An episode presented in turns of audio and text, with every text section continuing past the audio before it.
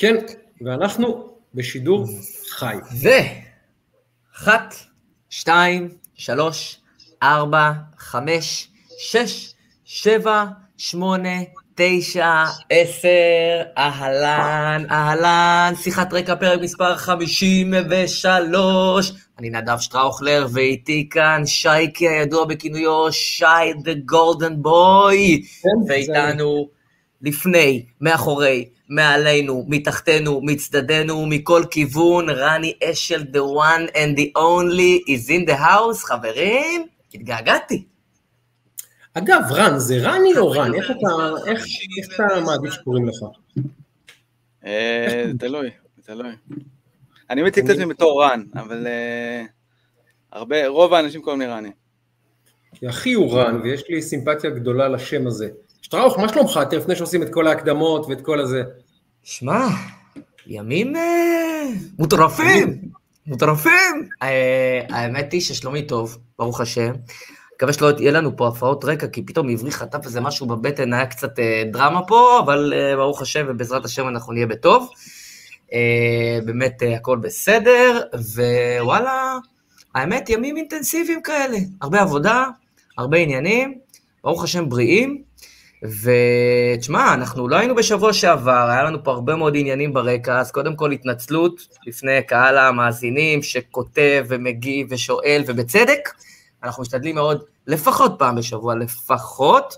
יש לנו כבר lineup מגניב לשבועות הקרובים, כולל שבוע הבא משהו מאוד מאוד מגניב, אה, אבל אה, אנחנו משתדלים להיות פה כל שבוע, בפודקאסט, כאן, בפייסבוק, בספוטיפיי, באיפה, איפה לא? איפה לא? ביוטיוב, בפודבי, באור עקיבא, ברחובות, בהר מירון, כל מקום. נמסור אה, דש חם אה, למאזינה קבועה שלנו שצופה, מאזינה ועוקבת אחרינו בכל, אה, ממש מהיום שבו נולדנו, דנה גיגי כתבה לי היום שהיא עוקבת אחרינו ומחכה ל pod, אז דנה, תודה.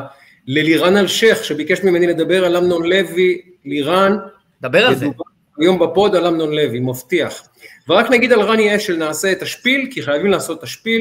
תראו חברים, חלק מכם אולי עכשיו רואים לראשונה את ההרכב, אז שתדעו. אמנם כתוב שיחת רקע ה pod של נדב ושל שי, אבל שימו לב ליהודי הנאה שם עם החולצה החומה. מה יש לך על החולצה שם? מה קורה שם על החולצה שלך? מה זה? היה כמו עץ של גולני. נכון? עץ של גולני פוגש את אה, חולית, ראיתי את חולית. אה, אה, החדש? כן, כן, סרט מעניין מאוד, קצת איטי, אבל סרט מעניין, ממליץ מאוד לצפות. כאילו, וואלה. ראיתי אותו על מסך קולנוע מטורף בגודלו ברמת גן, וזה קולנוע, זה קולנוע, זו חוויה שאין מה לעשות, קשה לשחזר אותה בבית, היא מדהימה.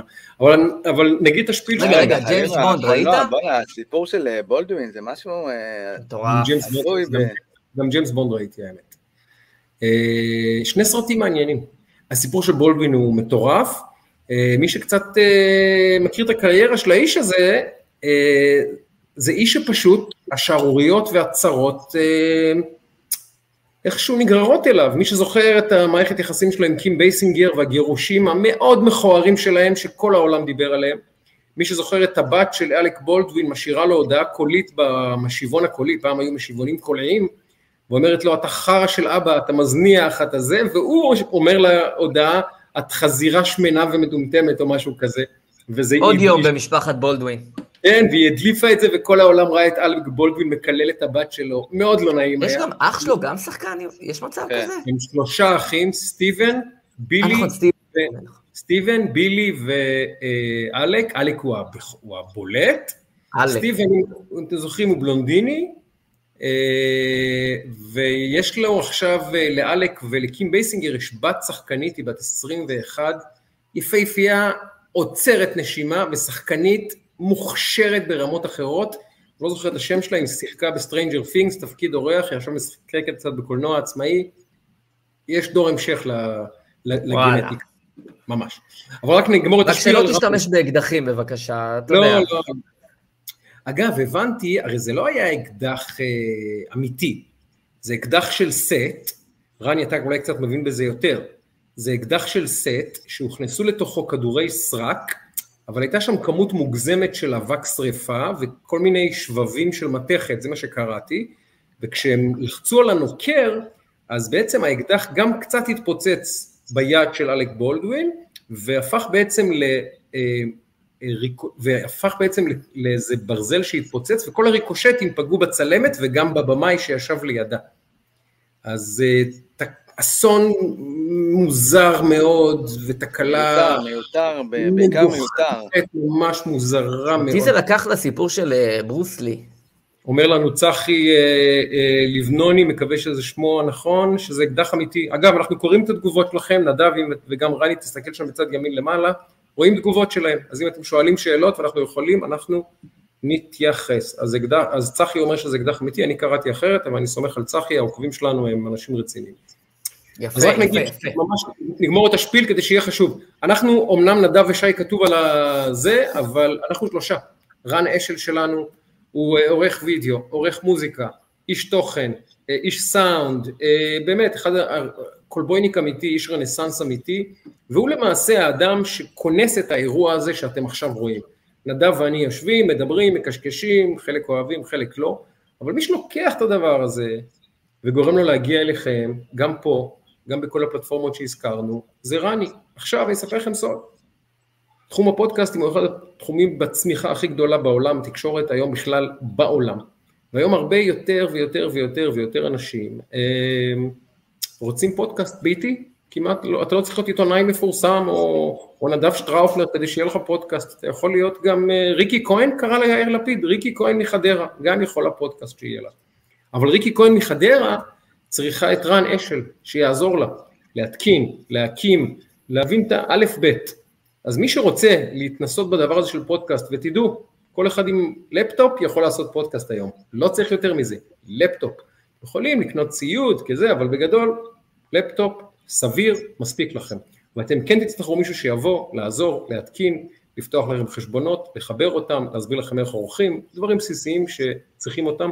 האיש שלכם למשימה הוא רן אשל, חפשו אותו אצלנו, אצלי בפייסבוק, אצל נדב בפייסבוק, אה, חפשו אצלנו בדף של הפוד, תמצאו אותו, תיצרו איתו קשר, יש כבר לא מעט אנשים שרני היה המיילד של הפודקאסט שלהם. זהו רן אשל. רציתי להגיד לכם משהו, אני עושה תמיד את התנועה של רונלדיניו, אבל זה היה סופר קלאסיקו לפני יומיים, והוא היה כל כך לא mm. מעניין שאפילו, עוד לא ראיתי את התקציר בכלל של מה שהיה. אשכרה, אשכרה. איזה משחק גרוע. מין, אה, נהיה כזה מין, משהו, הדרבי בנורבגיה, הדרבי אה, חשבתי שאתה, אמרת סופר קלאסיקו, לא, חשבתי שאתה מדבר על לא. בית"ר הפועל חיפה. לא, קלאסיקו, תקשיב, היו ארבעה איומים לשער בכל המשחק, ושניים למסגרת, אחד של ריאל, אחד של ברצלונה, מה זה המשחק הזה? מה זה? נורא. מה זה? נו, אז אמרת רני, כן. לא, לא, אני אומר, אפילו לא בדק, כאילו לא ראיתי את הגולים, לא, זה מין שובל של כלום, לא... שובל גוזלן. אה, ברצלונה של אה, טומי דן מסי, בלי קשר למצב הכלכלי, זה דבר עצוב לעין. זה לא נעים לראות מה קורה שם. לא, גם בשלוש נכון. שנים האחרונות שלו הם כבר היו דבר עצוב, פשוט אה, הוא הצליח להסתיר את זה. זה ממש, תקשיב, זה לא נעים איך שהם, תקשיב, הגיעו לשני מצבים לשער ב-90 דקות בקלאסיקו, מה אתה צוחק? זה fucking ברסה הגדולה, זה עדיין מועדון, לא יודע, השלישי בגודלו בעולם בשווי, זה, זה מועדון ענק, ענק, ענק, מה זה? איזה בושות. כן, אבל, כן, אבל ייקח להם. קוראים לו לחלוץ שם, הוא לא, הוא שחקן של... כרוניגן, יודע, לא... ייקח, ייקח להם זמן, הם יבנו את עצמם מחדש, הם צריכים ללכת לאיזה עונה שתיים פיננסיות, הם בבעיה קשה, גירעונית, אה, הביאו את עצמם ברכישות הזויות, השקעות של מיליונים, מאות מיליונים בבלם הזוי, בקשר, באמת, רכישות הזויות, כל הסיפור שם התחיל להתהפך עם נאמר, אה, מבחינה כלכלית, הם הכניסו את עצמם לבורות מאוד קשים, והקורונה, הם יצאו מזה, אבל ייקח להם כמה שנים. אני כאילו, אתה יודע, ברצלונה מועדון ענק, זה כרגע הם בנקודה רעה בהיסטוריה שלהם, זה עוד יידרדר. אה, כאילו באים לקומן בטענות, אבל אתה יודע, זה לא שתביא עכשיו מאמן אחר, הוא יצליח לעשות פה פלאים. לא, לא, אין שם אה, כלום, אין שם, צריכים לעשות שם אה, חריש. נכון. אגב, מה שיפה זה שאת ברסה אי אפשר לקנות, לא יכול לבוא עכשיו ממשלת סעודיה לקנות את ברסה, כי ברסה שייכת לאוהדים שלה. זה מועדון שהונפק והופרט לאוהדים שלו, והאוהדים של ברסה, כל מי שהוא מחזיק מנוי, הוא גם מחזיק מניה במועדון בעצם. זה... אגב, יכול להיות שכן, הם יגיעו למצב שמישהו כן יקנה אותם וישנו את המודל, זה גם יכול לקרות, ב... לא, לא נראה לעין, אבל, אה, אבל יש הזדמנות, יש מצב גם לזה. אני רוצה אבל לקחת את רגע, ברצלונה. רגע, אבל יש, אבל, אבל יש בקשה קטנה, יוסי אריאס, שהוא באמת עוקב קבוע שלנו. אה, אחלה מילואים, חביבי, זה אח של המילואים. מבקש שנדבר על ליברפול יונייטד שתי מילים, בבקשה. אה, אוהד ליברפול, יוסי אוהד ליברפול אה, שתי מילים על ליברפול יונייטד, בבקשה. אני, אני פשוט אה, קראתי באמת ניתוח מעולה של, אה, נראה לי נדב יעקבי, על נושא המאמנים. שאין מה, שהרמה, אין מה לעשות, שכל ה...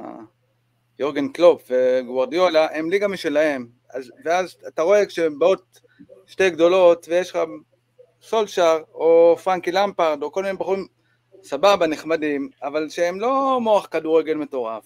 אז ככה זה נראה, זה היה פשוט... אה... אבל יונייטד כבר היה לה את מוריניו לשלוש שנים, ראינו איך זה נגמר. ראינו איך זה נגמר, עם שום דבר.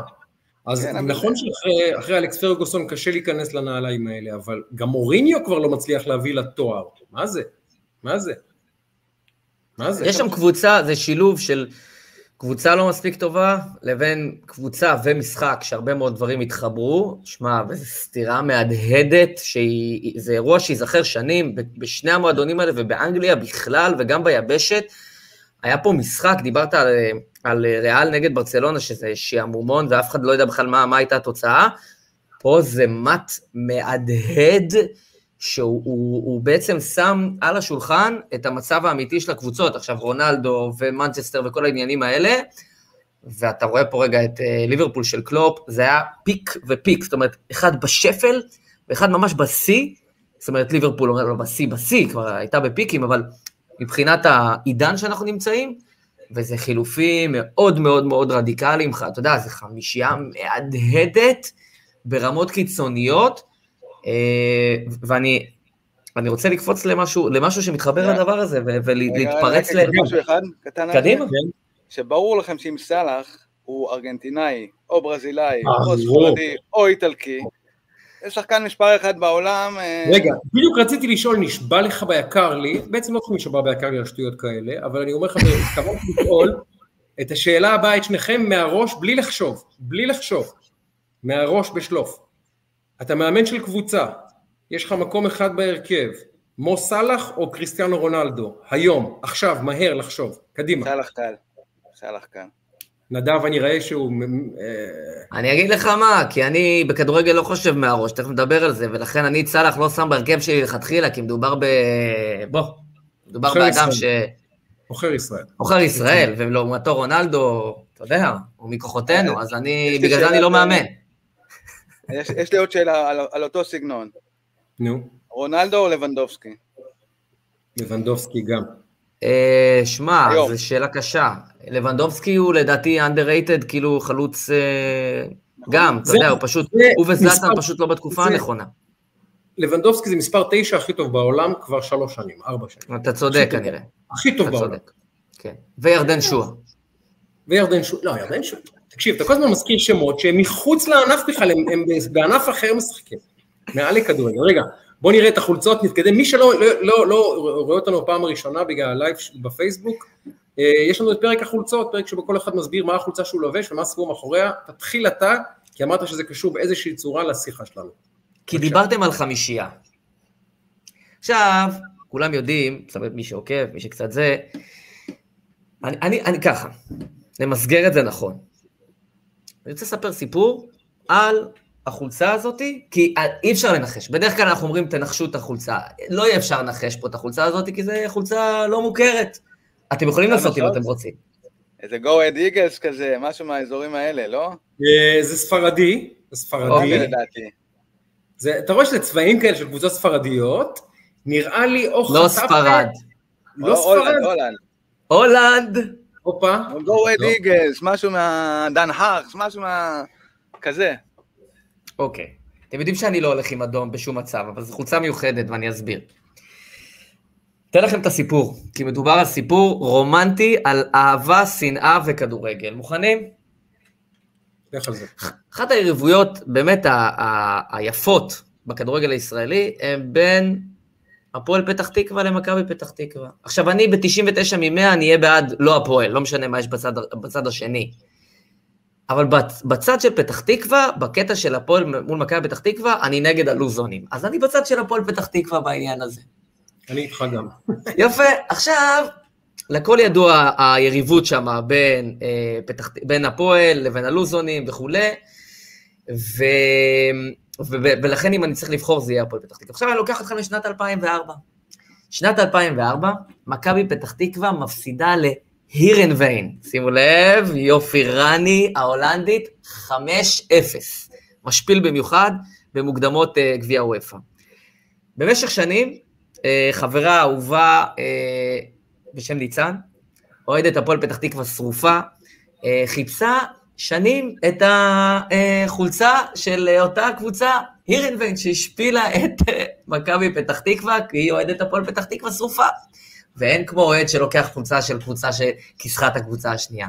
במשך שנים היא חיפשה וחיפשה, ואז ליום הולדת שלה, בן זוגה, שהוא חבר ואח יקר בשם שחר סטי, מצא את החולצה הזאת, שימו לב, שימו לב, רואים?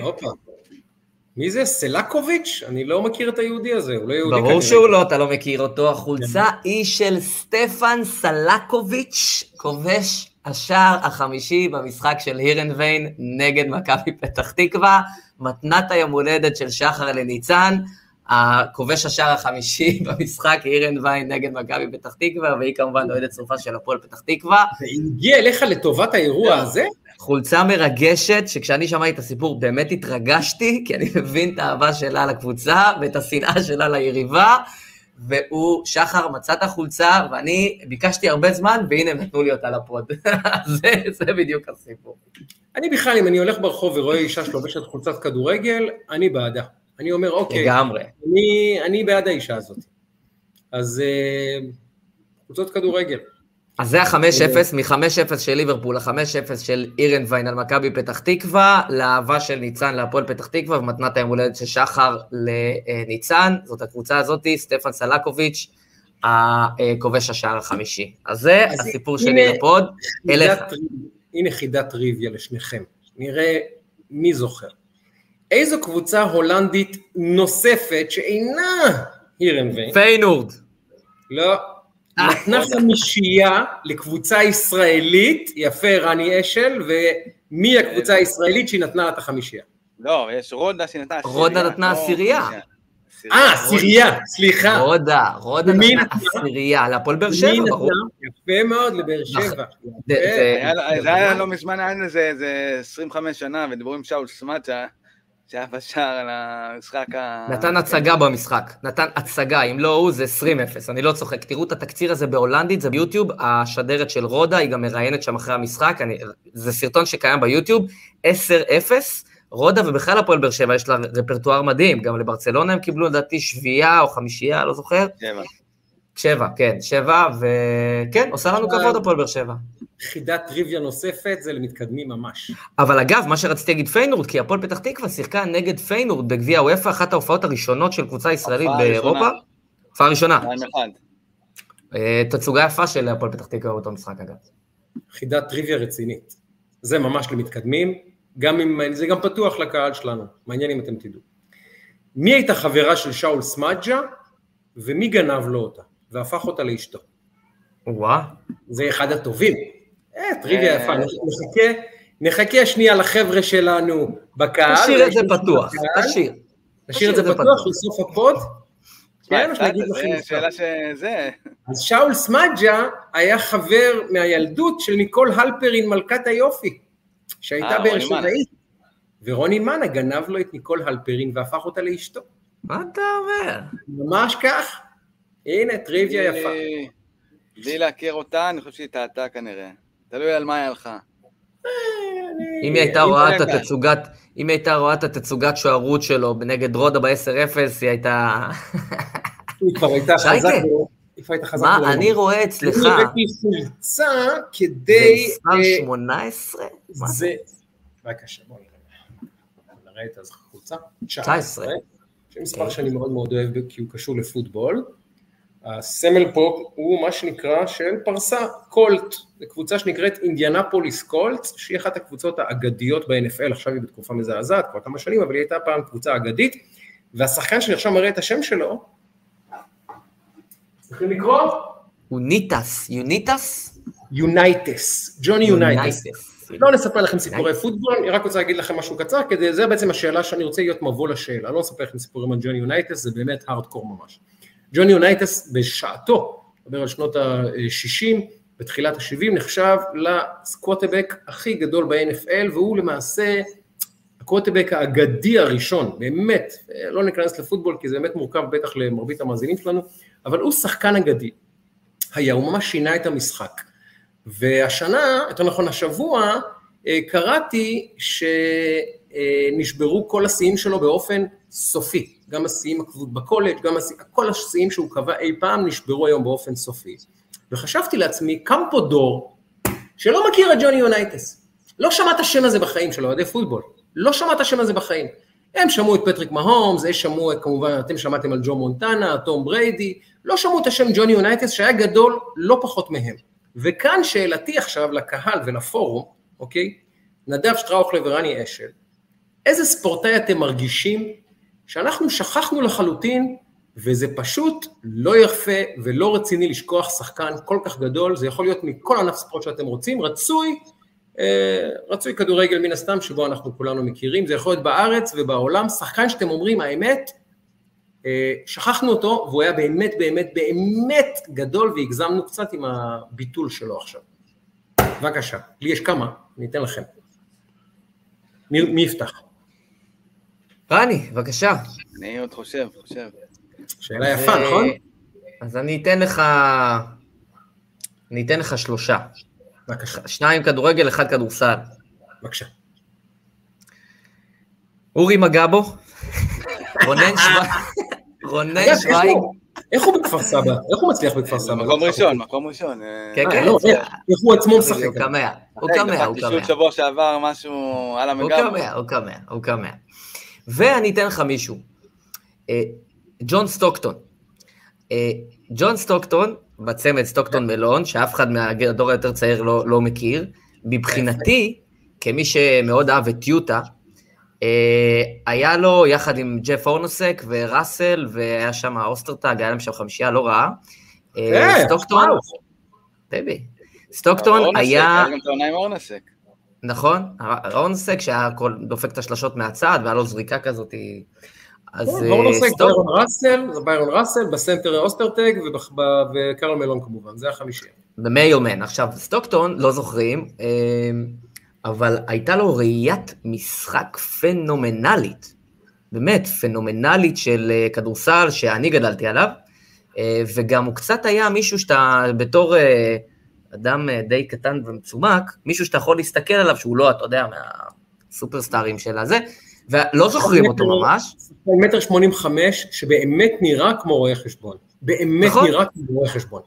נכון, לא נראה עכשיו, אפס, לא אפס סטאר קוולטי, אבל הוא היה שחקן כל כך חכם, שכשאתה חושב על יוטה ג'אז של אותם שנים, הנה, עברנו על החמישייה עכשיו, לא ראית פה אגדות כדורסל, לכאורה, כן? קרמלון נחשב, כאילו, בטח שהם שיחקו בקצה באותם שנים מול סקוטי פיפן ומייקל ג'ורדן ו- ודניס רודמן, וכאילו, וקבוצת האולסטאר מהטובות ביותר, כאילו, והם היו שווים בין שווים, זאת אומרת, אם לא ג'ורדן בגאונות של כדורסל, פעם, פעמיים, זאת אומרת, הם הלכו עד הסוף.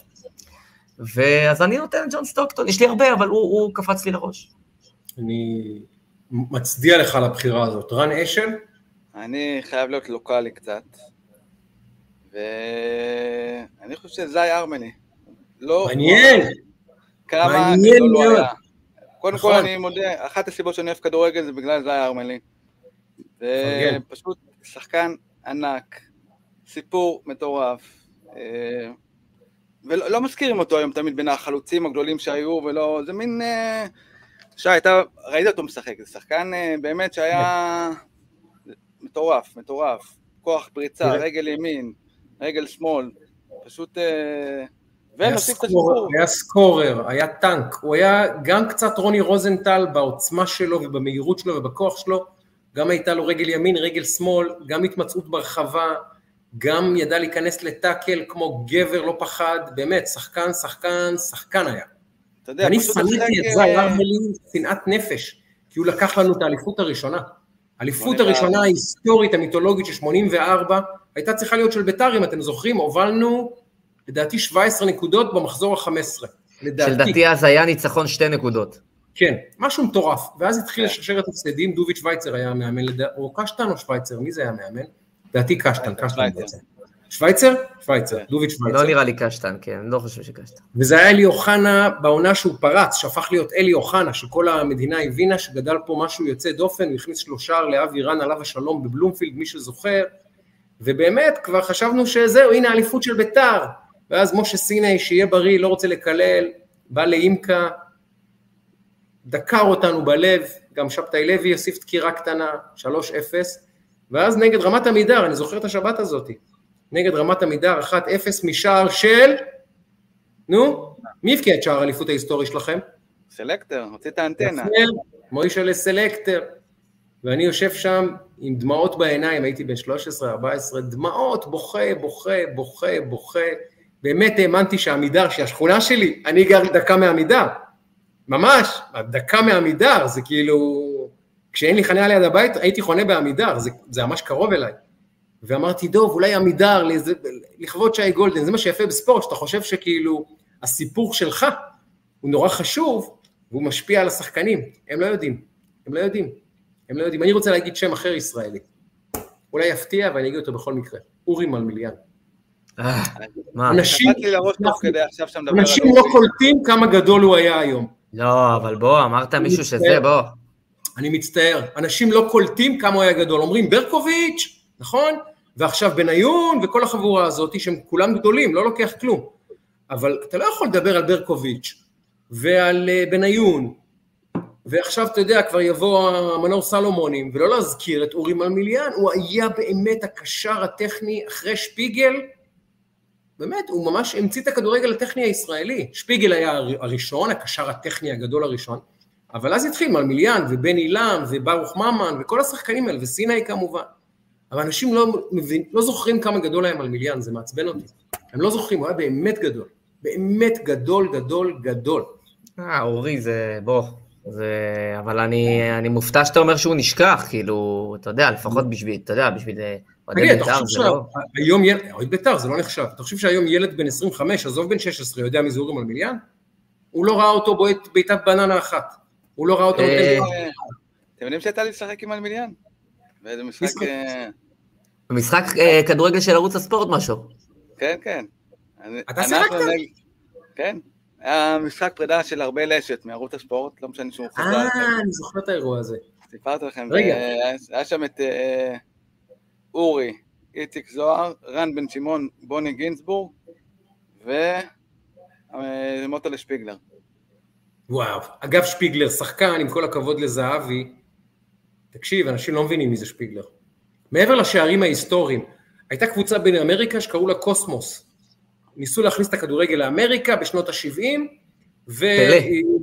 ואיזה מיליארדר אמריקאי אמר אני אקים קבוצת כדורגל, קוסמוס, ויצחק נגד קבוצות בעולם וגם אקים איזה ליגה דמיקולו באמריקה. הוא הביא לשם את פלא, הביא לשם את בקנבאואר, הביא לשם את יוהן ניסקנס, זה, זה שחקנים שהם היו, זה כמו להביא היום את אה, לא יודע מי, רונלדו, מסי ומי, ולעוד איזה... הבן של שלוי. כזה. ומביאים את שפיגלר לקבוצה. כן. הוא משחק עם, עם רונלדו ומסי של התקופה הזאת. תקשיב, הוא היה גדול, גדול, גדול, גדול, גדול, גדול, שפיגלר. טוב, גמרנו חולצות, גמרנו... יפה. עם מעבר אחד, נדב. אני חייב כן. להתייחסות לך לכל האירוע המכוער הזה שהיה בבלומפילד. לפני שבוע, כן. פשוט אה, מעורר בחילה ו... כן, רק רקע למי שלא מכיר את האירוע. אז, אז נגלוש קצת באמת לעניין הזה, כי זה באמת אה, אירוע די מכונן, שתפס גם הרבה מאוד כותרות, לשמחתי. אה, ביום שני שעבר, למעשה, משחק בין ביתר להפועל, פה בבלומפילד, ממש ליד הבית שלי. משחק שהגיעו אליו 7,000, כמעט 7,500 אוהדי בית"ר, למשחק חוץ, זה באמת אה, כמות מטורפת, בפרט ביחס לאיך שהקבוצה נראית, אבל נשים את זה שנייה בצד. המשחק ככה מתפתח, ולקראת המחצית עולה לחימום קאם סומארה, שהוא שחקן של בית"ר, מוסלמי, בעבר אולי זה היה אירוע, היום כנראה שאף אחד לא שמע על האירוע הזה עד לאותה נקודה, שחקן מוסלמי, חותם בביתר, עניין של מה בכך היום, אני אומר את זה בשמחה רבה כמובן, אה, ו... ובכלל נען אישו, אין אירוע. אה, ואז ב... אה, בנקודה מסוימת הוא מתחמם שם על הקווים, וכמו כל שחקן של ביתר, מקבל מחיאות כפיים. מגיעים אותם אנשים קיצוניים, אלימים, בתוך לה פמיליה, ומתחילים להשתיק את הקהל. ולא, וחבר'ה שם, קבוצת אוהדים, לא שותקת, מעודדת, והם מתחילים להתנהג באלימות, והם מתחילים להכות את האנשים שמעודדים את אותו קאם סומרה, את אותו שחקן. זה מגיע למצב שקורים שני דברים, אחד, לה פמיליה, שבעצם אחראים שם עד אותה נקודה על גוש העידוד, כי זה צריך, בכל זאת, בכל קהל יש קבוצה שמובילה את העידוד, מפסיקים לעודד כליל, זה עוד כאילו ניחא, למרות שכאוהד זה דבר שהוא הזוי, אתה, אתה, אתה בעצם קבוצת עידוד, אתה אמור להוביל את העידוד, הפסיקו לעודד כליל, והדבר השני שהם עושים, פשוט לוקחים פרוטקשן, הם, הם אה, מרביצים מכות אה, אלימות, באלימות, לאוהדת, שהיא בכלל נכה על קביים, ולעוד אה, כמה אוהדים, חלקם חיילים, כי הם עודדו את אותו שחקן מוסלמי. תוך כדי המשחק, ואני טיפה יושב למעלה, אתה לא מבין בדיוק מה קרה, זאת אומרת, אתה רואה התרחשות ומהלומות ועניינים, אתה לא בדיוק מבין מה קרה. מיד לאחר המשחק, התמונה מתבהרת, ואוהדים שאת חלקם אני מכיר גם ברמה האישית, חברי פייסבוק ובכלל, חבר'ה טובים, אנשים בית"רים, אה, מספרים את הסיפור. ואני מבין שבעצם מה שקרה פה זה שאוהדי בית"ר, או אנשים שמכנים את עצמם אוהדי בית"ר, אה, פשוט התנהגו באלימות קשה לבחורה שבאה לראות כדורגל, ולאחים שלה ולחברים שלה שבאו לראות כדורגל אוהדי בית"ר. וזה אירוע מטלטל. אני חוזר מהמגרש, ובאמת, זה, לא ישנתי בלילה מרוב עצבים וכעס. ואני חושב על שני דברים. אני חושב, אחד, שהאירוע המשברי הזה הוא, הוא, הוא ההזדמנות הכי גדולה של בית"ר, לדעתי, בעשור האחרון. אני לא מדבר כרגע מקצועית, אני מדבר על המסביב, שהמסביב הוא חשוב תמיד, בבית"ר בפרט. ואני רואה, מבין שהמשבר הזה הוא הזדמנות אדירה כדי לעשות את הבידול הזה בין הקהל האוהדים הענק, מאות אלפי אוהדים של ביתר, בעצם הרוב המוחלט של אוהדי ביתר, שהם אנשים נורמטיביים על הכיפאק, אנחנו, לבין אותו מיעוט אלים, אה, גזעני אה, ובלתי נסבל, שמתנהג באלימות. וכשזה הגיע למצב שאוהדי ביתר מכים את אוהדי, ביתר, אה, ועוד אישה על קביים וחייל, זאת אומרת, כאילו, הכי אפילו, נגיד שהחלטת להרביץ לאנשים, עוד לאלה, כאילו, כמה קיצוני זה יכול להיות. תבין שיש פה הזדמנות תדמיתית גם, והסברתית, לעשות את ההפרדה, את הבידול הזה, החד, בין אוהדי בית"ר לבין הקבוצה הזאת. והזדמנות לטפל בהם, ולקבל גיבוי סוף סוף מהמשטרה, מהמשרד לביטחון פנים ומשרד התרבות והספורט שנכנסו לתמונה, צריך להגיד, ולעשות פה קמפיין, ולהוביל במשחק הבא, זה המהלך הראשון, להוביל במשחק הבא נגד הפועל חיפה, ממש מפגן עידוד. כל מי שאוהד בית"ר, צו 8, אגב, הקריאייטיב היה צו 8, השמונה היה הגב של אורי, זה, זה השמונה שהיה, זאת אומרת, כל מי שמגדיר את עצמו את ביתר, זה צו שמונה להגיע. באמת נקראו, נשמעו לקריאה הזאת כעשרת אלפים אוהדי ביתר שהגיעו וגדשו את היציא המזרחי, תמונה מדהימה במשחק האחרון נגד הפועל חיפה, גם ניצחנו 2-1, הייתה אווירה מדהימה ביציאים. זה הדבר הראשון, באמת לייצר מפגן כזה שהצלחנו בו, ואני חושב שהצלחנו לייצר גם את הבידול ואת ההפרדה הזאת. והדבר השני, זה שאני חושב בלילה, ואני אומר, מה אני בחלקת האלוהים הקטנה שלי יכול לעשות כתגובה ציונית הולמת. ואני כותב למוני, מנכ"ל אה, בית"ר ירושלים, שהוא גם חבר, ואני מדבר ברוש. עם אסף, מוני ברוש, ואני מדבר עם אסף, שותף שלי, ואנחנו מחליטים במהלך בזק, אה, למעשה לקחת, לפרוס את חסותנו, באמת כתגובה ציונית הולמת, על קבוצת הנשים של בית"ר ירושלים. קבוצת הנשים של בית"ר ירושלים זה פרויקט מדהים, שמשה חוגג הקים אותו, כן. עצור שנייה. כל הכבוד. באמת, כל הכבוד, אני אומר את זה מעומק הלב, זה לא בצחוק, זה נאמר ברצינות, כל הכבוד, אה, כי לדבר גם אני יודע, אבל לעשות ולשים מהכסף שלך ומהשם שלך אה, כדי לשדר מסר, אני גאה בך, אחי, מעומק הלב, כל הכבוד. גם לאסף. אז תודה רבה, זה... זה באמת, זה, זה אתה יודע, אני, אני חושב בלילה מה, מה אפשר לעשות, ואז אני מדבר עם אה, אסף, שותף שלי, ואנחנו אומרים, אנחנו הולכים על זה. מחרת אה, אנחנו כבר אה, בהתכתבות עם מוני, ואנחנו סוגרים בעצם חוזה, ו, ו, וזה קורה ממש תוך 24-48 שעות, זה כבר אנחנו אחרי האירוע. והתגובה היא, מבחינתי, בתפיסה היא, שהאנשים האלה הכו אישה, כי היא עודדה מוסלמי.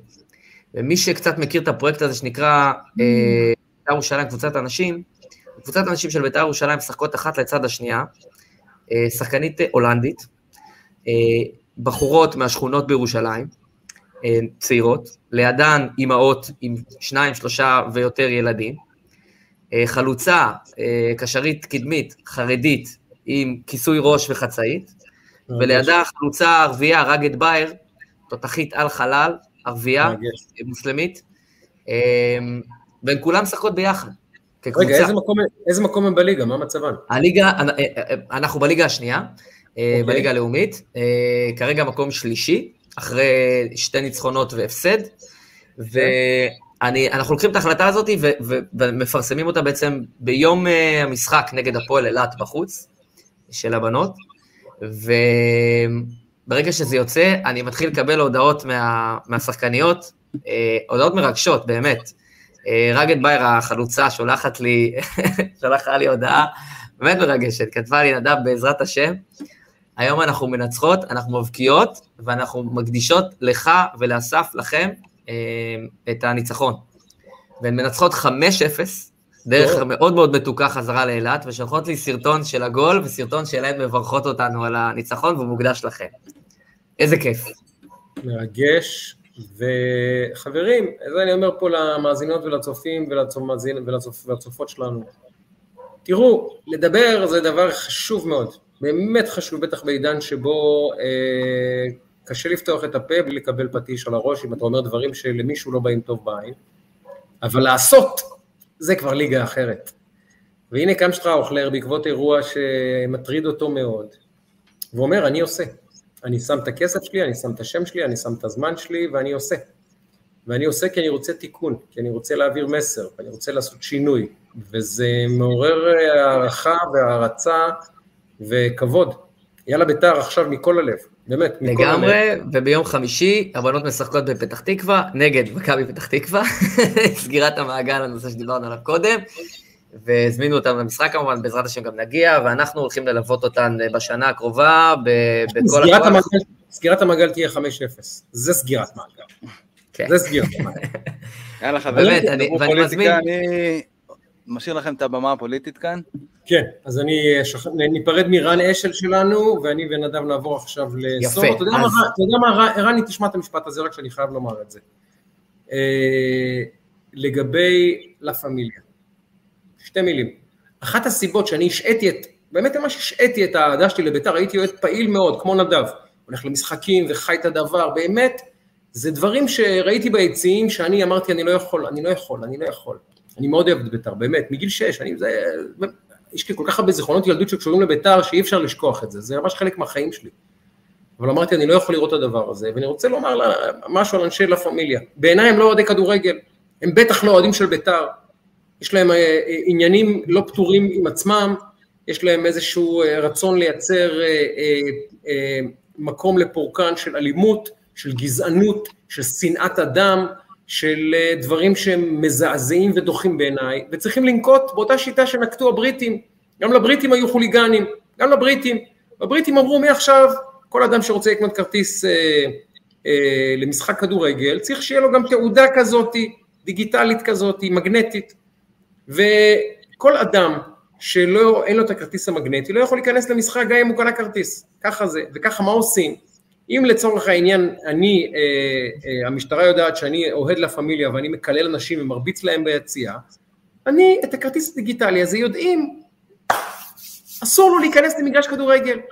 הבריטים תוך שנתיים ניקו את בריטניה מחוליגנים, זהו, אפשר גם בארץ. יש בהרבה מאוד קבוצות, גם האולטרס של הפועל תל אביב, זו חבורה של, סליחה, באמת חמומי מוח בריונים שאין בינם לבין כדורגל, כלום. אני פחות מכיר את הקופים הירוקים של מכבי חיפה, פחות מכיר אותם, אבל uh, האולטרס האלה של הפועל והפמיליה של ביתר, תסלחו לי, צריכים להוציא אותם מהכדורגל, צריכים להוציא אותם מהמגרשים, הם מזהמים את המדינה הזאת, הם מזהמים את הכדורגל והורסים ל-99 או 98 אחוזים מהציבור את הכדורגל. ואגב, גם בלי לשים לב, או אם כן לשים לב, מזיקים לביתר נורא, כי כל התקשורת על ביתר, הנה ביתר, הגזענים, האלימים, השונאי מוסלמים, הזה, הזה, וזה עושה לה פמיליה. אף אחד לא מדבר עליי ועל נדב, שאנחנו מוחאים כפיים באהבה ובהתרגשות ורוצים לראות שחקנים מוסלמים, ב... לא בגלל שהם מוסלמים, כל שחקן שהוא טוב שיהיה בביתר, לא אכפת לי מה המוצא שלו, מה הגיל שלו, מה הזהות שלו, לא אכפת, לא מעניין אותי. ומי שאומר הוא לא יכול לשחק בביתר בגלל משהו, אז תסלח לי אדוני, אתה, לא- אתה לא אוהד כדורגל. תגיד, את זידן לא היית מביא לביתר? אם זידן היה יכול לשחק בביתר, זיד, זידן מוסלמי, לא היית מביא אותו? הייתי די. מביא אותו לנשים עכשיו, הייתי מביא אותו. די, די. אגב, לדעתי ברמתו הנוכחית הוא ישתלב בנשים. לא יפה. רני. לא, לדעתי הוא חיזוק לכל קבוצה. רני, תודה רבה. אנחנו מתקדמים. אוקיי, אז אה, דיברנו על ביתר, אה, כן. כי זה באמת נושא אה, באמת מיוחד. תשמע, אני רוצה לדבר איתך על כמה דברים ברשותך, והראשון הוא, אתה העלית פוסט, שבעצם פוסט לגיטימי במיוחד בעיניי, בעיני כל מי שתקת ותכף תרחיב עליו. אני, אני רוצה להגיד לך משהו. בעצם הסירו לך את הפוסט, תכף אתה תרחיב, אני רק נותן את הטיזר, הרחיבו לך, בעצם הסירו לך את, את הפוסט, קיבלת התראת הורדת פוסט וכל המדיניות העדכנית הזאת של פייסבוק. אתה תכף תדבר על העניין, אבל אני רוצה לדבר על, מסתכל מהצד. אני הייתי ביום מטורלל לחלוטין, וקלטתי את זה קצת ב delay, לא הייתי ברשתות, וקלטתי את זה קצת ב delay, ואז כשאני רואה את זה, אני, אני רואה את זה מגלית דיסטל, אה, וממני אסייג, ומ... אני לא זוכר כבר מי עוד, מלא מלא מלא כיוונים מהימין, שבעצם אומרים, אה, אנחנו תומכים בשי, יש פה עוולה, ואנחנו על זה 300 קמ"ש, תשתפו את זה כאילו אין מחר, תמיכה מהימין מטורפת, מטורפת, שהיא היא, היא, אותי ריגשה. אמת. אה, ושוב, לא אני נכנסתי לזה כאילו בטקט הבא, וזה, וזה היה מאוד מאוד מרגש, אני רוצה לשמוע את הטייק שלך על זה. אה, דיברתי על זה הרבה ב, ב, ביום שזה קרה, ביומיים שזה קרה, ולמי שלא שמע אני אגיד את זה ממש בקצרה, גם לנדב אולי, אני אה, מעלה פוסט פרסומי לסדנת כתיבה, סרטון וידאו של דקה, שמספר בואו ללמוד כתיבה, וזו סדנה למתחילים, מתקדמים, אין אפילו את האות ב', קל וחומר י' ב' וי' אחרי זה, אין אפילו האות ב' בסרטון הזה, כלום לא קשור לפוליטיקה, לא הופיעו, אני, בין יתר דבריי, כן, אני לפני הכל, בטח לא תאמינו, לפני שאני עיתונאי, אני קודם סופר, לפני שאני... לא עיתונאי, נכון, לא, לא.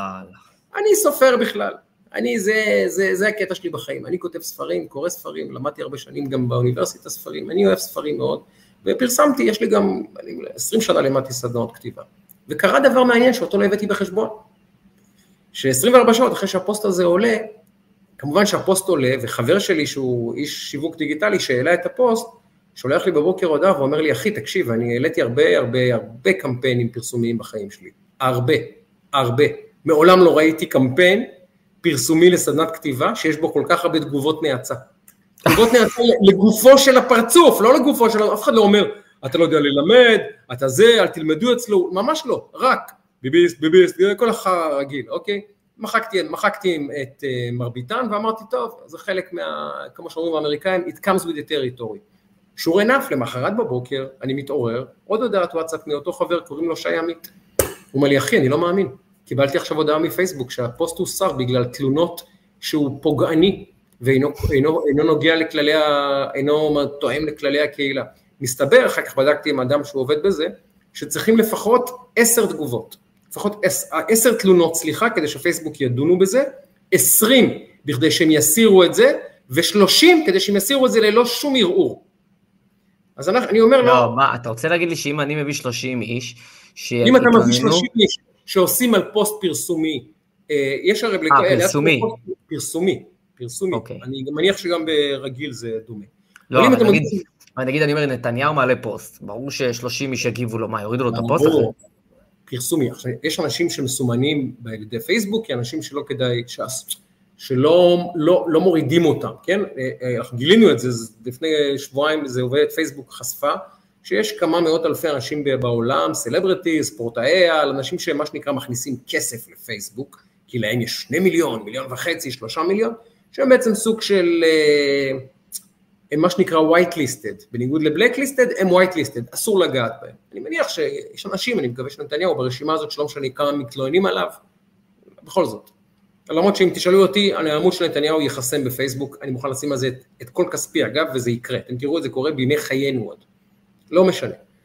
אה, בכל מקרה, אז מסתבר שאם עשרה מתלוננים, פייסבוק בודקת ושולחת התראה, הוא קיבל גם התראה, אחרי עשרים מורידים, ואז נותנים לך זכות לערער, ובשלושים אין כבר זכות ערעור, הערעור אוטומטי זה. אז אמרתי לו, תערער, הוא מגיש ערעור, אחרי דקה באוטומטי כזה, יש לו מייל, אה, הערעור נדחה בגלל אה, תלונות whatever, טה טה טה טה טה טה. ואז הבנתי, הבנתי, שאנחנו נמצאים במרחב בישראל היום, ושבו רק רואים את הפרצוף, הרי מהו ad hominem?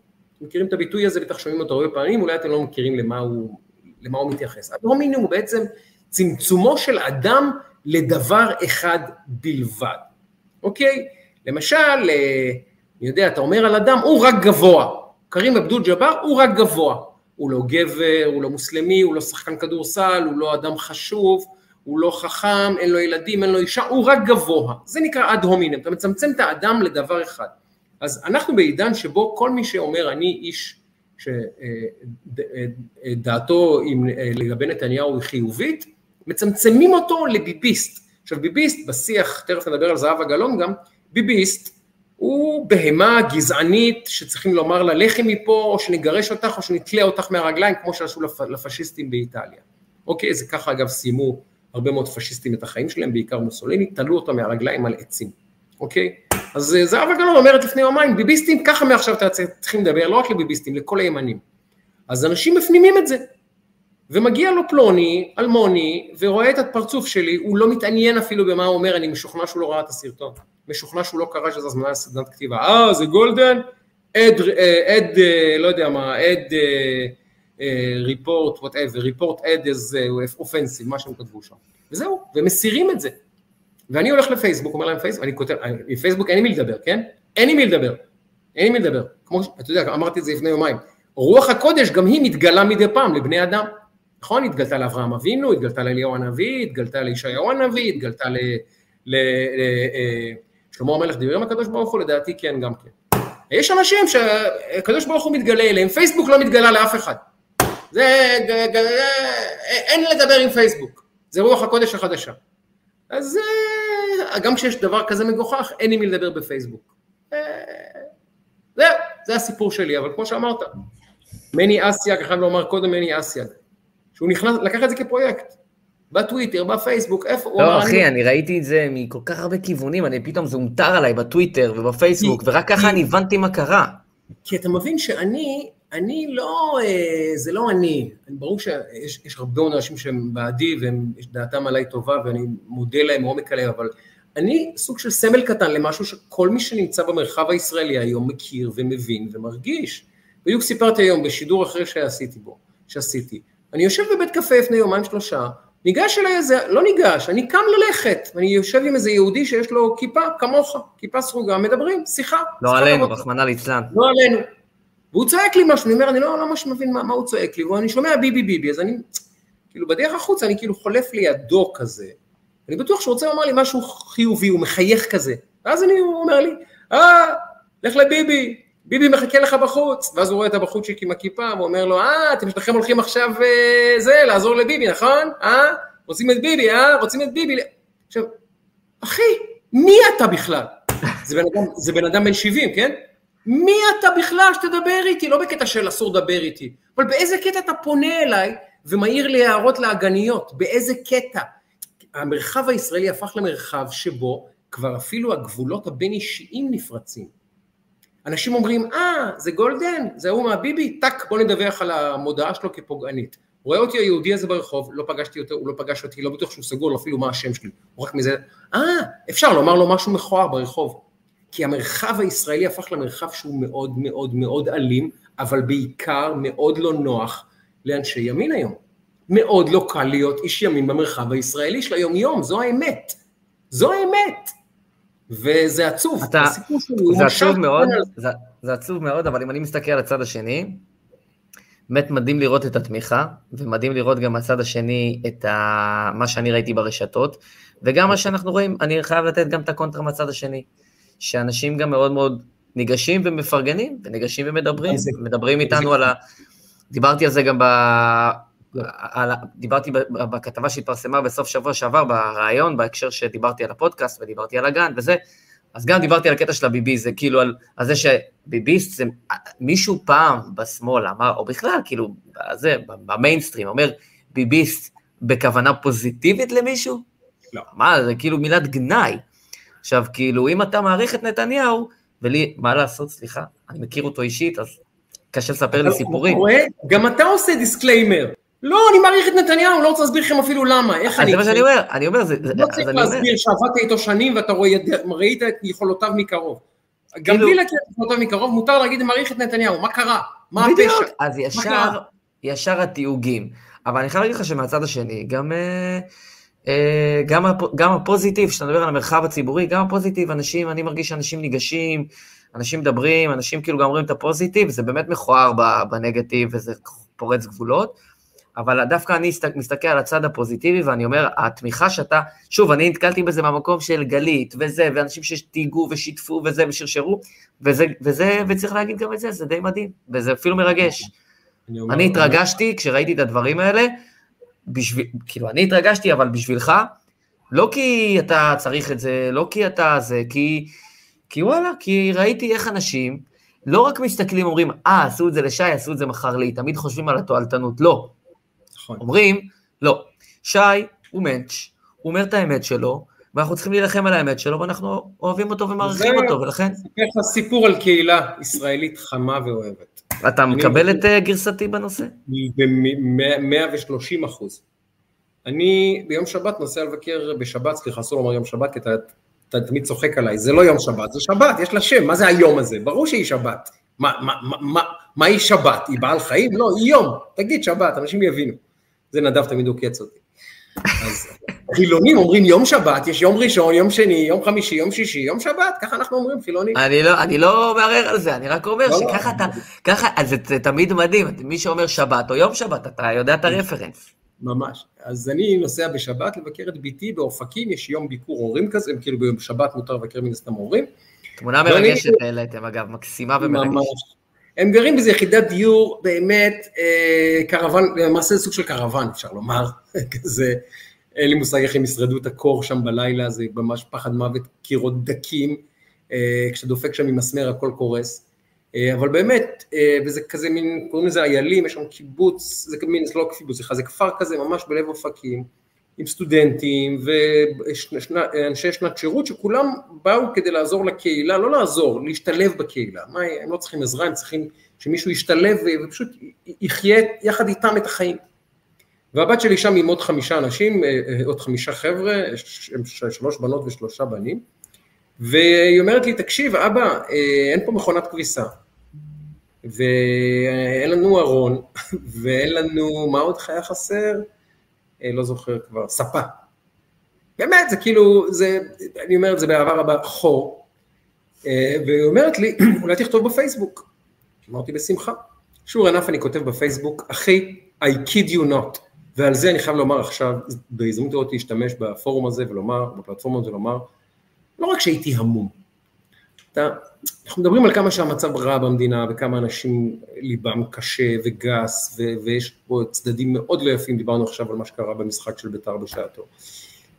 ופתאום אתה, אני אומר לך, תוך יומיים, תוך יומיים, היו שבע מכונות כביסה שהייתי יכול לקבל, ארונות בכל צורה וגודל, אנשים כותבים לי, יש לי כלים, יש לי אה, טוסטר, יש לי קמקום, קומקום, יש לי כוסות, יש לי מצעים, יש לי כריות, יש לי משחקי שולחן, יש לי מחשב שאני לא צריך, זה היה מדהים, מדהים, אתה כותב פוסט בפייסבוק, אני לא צוחק, אני חושב שמאה אנשים פנו אליי, בסוף כמובן אמרתי להם, תראו חבר'ה, ממש ממש מאלה, מעומק הלב, ואנשים אומרים לי, שיבואו לחנות שלי ויגידו שהם זה, ואני אתן להם עד אלף שקל לקחת מה שהם רוצים, איזה איש אחד בעל חנות מוצרי חשמל.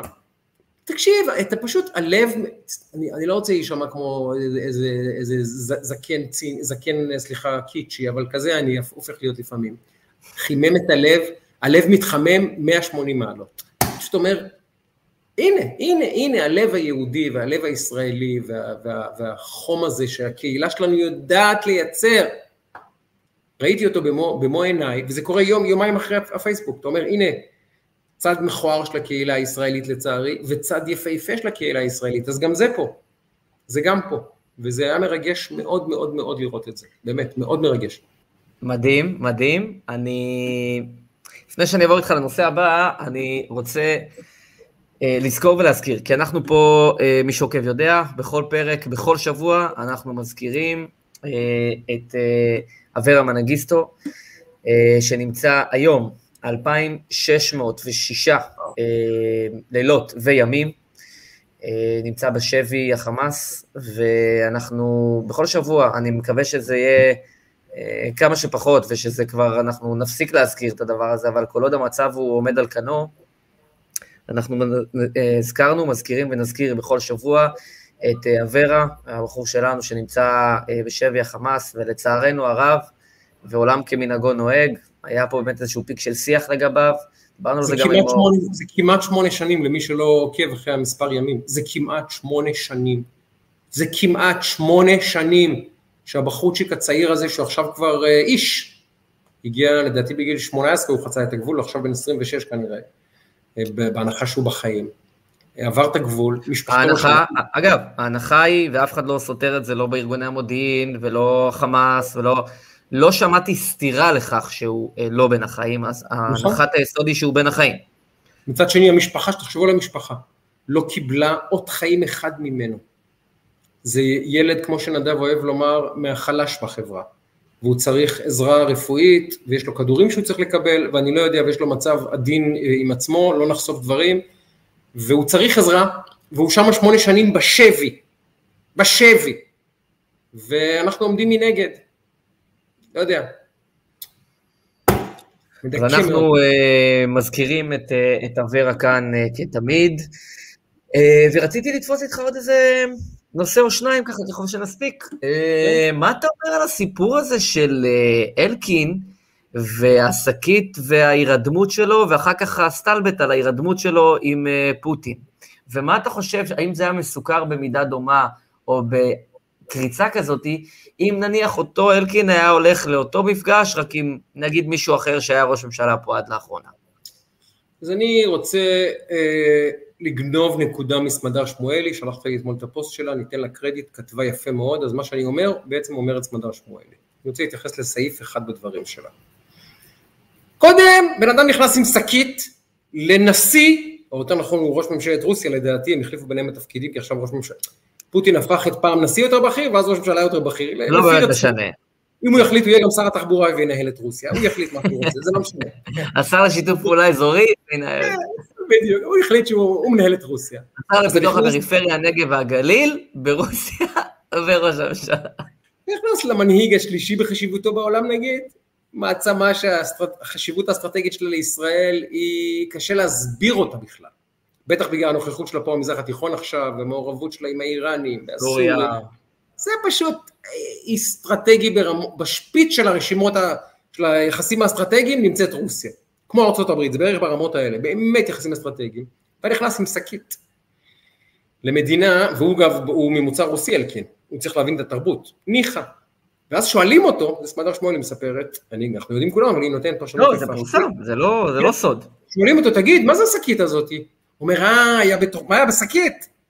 אומר, היה בשקית אה, תצלומי אוויר, טאצות. עכשיו, בואו נסביר לכם מה המשמעות של הדבר הזה.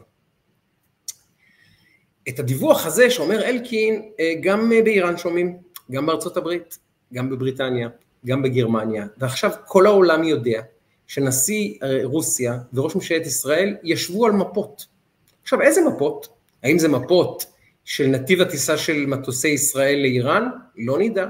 האם זה מפות על אה, מפעל נשק קימי שאולי הסורים בונים בעידוד איראני בסוריה וישראל רוצה להפגיז? לא נדע. האם זה מפות אחרות של אינטרסים ישראלים אחרים שיש אולי בסיני ויש שם אל-קאעידה וישראל ורוסיה? אנחנו לא יודעים. אבל כל שירותי הביון בעולם עכשיו רוצים לדעת על איזה מפות ישבו רוסיה וישראל, כי זה המשמעות של זה היא שכנראה יש איזושהי פעולה או איזשהו אירוע דרמטי ואסטרטגי שמצריך את מר בנט להביא מפות לפוטין. ואת הדבר הזה, תסלח לי, אה, אני לא רוצה להשתמש במילות גנאי על אלקין, פולט. עכשיו, זה לא רק סוד מדינה, זה סוד מדינה, זה לא צחוק, זה סוד מדינה. זה סוד מדינה שעכשיו ה-CIA רוצים לדעת מה היה שם, MI5 של הבריטים רוצים לדעת מה היה שם, שירותי הביון הצרפתיים רוצים לדעת מה היה שם, האיראנים רוצים לדעת מה היה שם. אתן לך עוד דבר, היום פגשתי יהודי חכם שעבד בשירותי הביון, אמר לי משפט יפה, הוא אמר תגיד, אתה שמת לב שהזמינו את, אה, איך קוראים לו, את בנט לשעתיים, אבל הפגישה נמשכה חמש שעות והציגו את זה כניצחון גדול? עכשיו מה אתה חושב? שהרוסים לא יודעים שבנט חובש כיפה ושאסור לו לחלל שבת, שיהיה דרמה גדולה אם הוא יטוס לישראל? מה אתה חושב? ברור שהם יודעים. עכשיו אתה משאיר אותו ברוסיה את כל השעות האלה, למה? כי בשעות האלה זה אומר לי אדם שהיה בשירות הביון הישראלי, אפילו בתפקיד יפה. אומר לי, כי בשעות האלה מה אתה עושה? אתה מאכן לו את הטלפונים, לא לא, לכל אנשי הסגל שהיו שם, לכל אנשי הצוות, ועכשיו אתה משיג מידע, אוקיי? מה שהם עושים זה בעצם עכשיו, משתמשים בשעות האלה שפוטין והוא ישבו וכאילו ניהלו שיחת רעים, ובעצם מייצר אמצעי ריגול שמה לעשות, אנחנו יודעים מדינות מרגלות זו אחר זו. במקביל אגב לשיחה של פוטין עם בנט שהוצגה כהצלחה מסחררת, מסחררת. מי שאגב יודע משהו על דיפלומטיה, יודע ששיחה ראשונה בין ראשי מדינות לא מקיימים בעיירת הקיט של נשיא רוסיה, אלא מקיימים במוסקבה. בדקתי, הלכתי, גיגלתי. הפגישה הראשונה של מר נתניהו עם פוטין בוצעה במוסקבה. הפגישה של שרון עם פוטין הייתה במוסקבה. כל ראשי המדינות שנפגשו עם פוטין, נו, פגישה ראשונה עושים במוסקבה, לא, אתה לא שולח אותו לסוצ'י, סוצ'י זה אילת.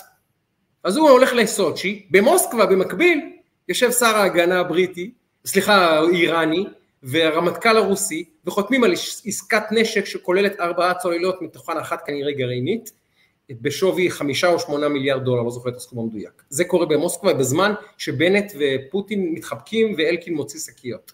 אתם מבינים? תסלחו לי, זו חובבנות, זו חובבנות לשמה. ועכשיו מי שנרדם במשמ... על המשמרת זה לא, זה לא רק בנט שהוא לא כשיר לאירוע, עזוב, אין לי כוח לדבר על בנט יותר. באמת, הוא לא כשיר לאירוע הזה, זה גדול עליו ב-60 רמות. עזוב, זה לא משנה, זה התקשורת שלא נותנת את התמונה הזאת. ואומרת, בזמן הזה, בזמן הזה, שבנט יושב עם פוטין ואוכלים, אה, לא יודע מה, ביצות פבז'ה מתוקות, כן? הגנרל, הרמטכ"ל הרוסי ושר הביטחון האיראני חותמים על עסקת נשק שהיא מאוד אסטרטגית ומאוד בעייתית לישראל. למחרת כותב, נדמה לי שזה היה ברק רביד, אני לא בטוח, נדמה לי שזה ברק רביד, כותב רוסיה, אה, לא, מי זה היה? אה, אומר את זה, איך קוראים לנו? אה, ניר דבורי בחדשות 12, אה, אומר את זה במהדורה של מוצ"ש, הוא אומר, וכאילו, אחי, אחי, רציני, תבדוק את המקורות שלך, תבדוק. הוא אומר, אה, ישראל חשה שיש נכונות רוסית לסלק את האיראנים מסוריה, והמגעים בעניין הזה מתקדמים יפה מאוד. אחי, בזמן שאתה משדר את הידיעה, הרוסים כבר בונים את הצוללות הגרעיניות לאיראנים ואת הטילי נגד מטוסים ואת מערכות המכה המשוכללות ואת החימוש המונחה אה, מחשב. אחי, אתה לא מבין מה זה רוסים בכלל? עכשיו התקשורת פשוט זורה לנו חול בעיניים, גורמת לנו לחשוב שהביקור הזה היה הצלחה גדולה, כשבפועל הוא היה פשוט קרקס, גם קרקס דיפלומטי, גם ברמת הנראות, הוא מפנה את הגב לפוטין, ההוא נכנס עם שקיות, אחר כך הוא מספר מה היה בפגישה, אומר שדנו על צילומי אוויר, ובמקביל, כשכבר כלי התקשורת פה מוחאים כפיים לבנט ומציגים אותו כבאמת אה, the second coming of King David, האיראנים והרוסים חותמים על עסקת נשק של חמישה שמונה מיליארד דולר, כולל צוללות. אז אה, זה פשוט, די, אי אפשר לשמוע את זה יותר, אי אפשר, שומרי הסף אני... שלנו פשוט עושים צחוק מהעבודה, מצטער. אני רוצה לחלוק עליך לגבי חלק מהדברים, על התובנה הסופית, אני חושב שאנחנו מסכימים. תראה, אה, כל משלחת שמגיעה למדינה שמן הסתם יש משחקי ריגול אה, כאלה ואחרים, לא יודע להגיד, אני לא יודע, לוקחת בחשבון את הנושא של האיכונים, ברגע שאתה נוחת בשדה כבר מאכנים אותך, אתה לא צריך להיות חמש שעות, כמה זמן שתהיה שם, זה, זה לא צריך את כל השבת בשביל לאכן, מצד שני יכול להיות שם גם שבוע ושלא יאכנו, ובעניין הטכנולוגי, אני שם שנייה בצד את מימד הזמן. גם את הנושא של, זה היה אמור להיות שעתיים והפך להיות חמש שעות, אני שם בצד. גם את הנושא של המפות, בסדר, אז דנו על מפות, אני לא יודע בדיוק מה היה שם, אז דנו על מפות, מבחינתי אין פה עבירת ביטחון שדה דרמטית, אוקיי? אני הולך איתך רגע על ה... בסדר, אתה יודע מה? אפילו אפשר היה, אם היינו חושבים, כי הרי אתה, אני אומר את זה פה כל הזמן, הרי שאנחנו לא בטוחים זה בית הקלפים פולישוק, זה הרי תמיד פולישוק, תמיד אז, פולישוק. אז גם אם היינו אומרים זה איזה מהלך לזרוע משהו, איזושהי מחשבה אצל האיראנים, והם לא יודעים איזה מפות, דווקא יש פה משחק פסיכולוגי, למרות שזה לא המצב, אז אתה יודע מה, אז גם יכול להיות היינו מציגים את המציאות בצורה הזאת, בסדר? אני, כל הדברים האלה אני שם, לא בטוח שזה רע לי, לא יודע אם זה טוב לי, לא יודע אם זה רע לי. לא בטוח בהכרח שאלה דבר, סממנים שליליים אה, אפריורי, זאת אומרת מלכתחילה. אין ספק שהיו שם עניינים שנראים לא טוב, בואו, לא צריך להיות אה, כאילו אה, לשבת בחדרים האלה בשביל להבין את זה. אבל מה שאותי אה, מטריד, אני לא מדבר מכעיס, אבל אני כן אומר מטריד, זה מתחבר לשיח הזה שאתה מדבר עם אנשים ואומרים, אח שלי, מה אתה רוצה? תראה איזה שקט יש. אח שלי, תראה איזה שקט. איך שקט? מה אתה רוצה? אני טוב לי, שקט טוב, שקט. ברור ששקט, כי, לא, כי אתם לא מדווחים. אז איך? אתם לא מדווחים, אז ברור ששקט. כי כשאתם לא מדווחים, שבמקביל, כמו שאתה אמרת, קורה פה אירוע שהוא כנראה באמת אסטרטגי, אבל זה בקטנה. וכשאם היה קורה דברים דומים, או 2% מזה, לא 50, לא 25, 2% מזה, הרי היה פה בלאגן אטומי תקשורת, בתקשורת המיינסטרים, אז יש שקט. אז ברור שהכל סבבה. הכל סבבה, אחי, הכל סבבה. הכל סבבה, למה? כי לא מדווחים על שום דבר, ולא מבליטים את הדברים, ולא ממסגרים את הדברים נכון. לא ממסגרים את הדברים עניינית, אלא ממסגרים את זה מפוזיציה שהיא כבר, אתה יודע, זה כבר, זה, זה כבר נהיה קצת מגוחך. עכשיו, גם ככה מדד האמון בתקשורת הוא כאילו לא במאה הסופר ברנדס במזרח התיכון. אז, נמוך, אז כשאתה, נמוך מאפס. נמוך מאפס. בדיוק, אז כשאתה, אז כשאתה מבין את, את, את, את הדבר הזה, אז אני אומר, גם אם אני שופט לקולה, בסדר? את כל המרכיבים שדיברת עליהם, אני אומר, לא, זה לא נורא. זה גם בסדר. האריכה לחמש שעות, יותר טוב, דיברו, סוצ'י, סבבה, רצו סוצ'י ולא מוסקבה, הכל בסדר. אין פרוטוקול שמחייב. יכלו להיפגש במוסקבה, יכלו להיפגש בסוצ'י, יכלו להיפגש שעתיים, יכלו להיפגש חמש שעות. זה שהוא דיבר איתו עוד פעם, סבבה, הכל בסדר. כנראה שאתה צודק, הרוסים, מי שחושב שהם מטומטמים, מי שחושב שהם מקריות, לא מבין. לא. אבל אני אומר, הולך לכולה איתך עד הסוף על הכל. אבל, אבל, אתה יודע, הכל שקט, הכל סבבה, זה מביך. כי כשאתה רואה את הדברים שקורים במקביל, כשאתה רואה איך התמונה נראית, זה מביך. בוא'נה, אלקין נרדם בפגישה כזאת עם כן. פוטין, ואנחנו מגלים את זה ככה, ואני אומר לעצמי, אוקיי, דיברנו אז על שטרן, דיברנו אז על שטרן, ואמרנו אם שטרן היה אותו שטרן, אותו מעשה, אותו דבר, איך אנשים יגיבו, אם הוא היה רק בצד של נתניהו, איך התקשורת הייתה מגיבה. אותו אלקין, אותה פגישה, אותו סוצ'י, אותו פוטין, אם זה רק היה לא באמת בסיטואציה הנוכחית, אלא נתניהו, איך התקשורת הייתה מגיבה? וואי, איזה דברים היו קורים פה, איזה טירוף. אבל, אחי, עזוב אותי, שקט, שקט, תן לי שקט. אז זה כבר מביך. זה, זה מביך, וגם זה, גם זה כשאני... גם, אתם גם חוטאים לתפקידכם, זה לא, זה לא לעניין. אגב, גם כשאתם נוסעים לצימר וזורקים את הטלפון, יש שקט. זה לא אומר שבחוץ העולם לא משתולל. אתם יכולים לנסוע לצימר, לזרוק את הטלפון ולהגיד, אני בשקט, הכל שקט, אין כלום בעולם, התנתקתי. זה מה שעושה התקשורת. מדברים על אסקפיזם. היא פשוט כיבתה את המציאות, זהו. לא דנים.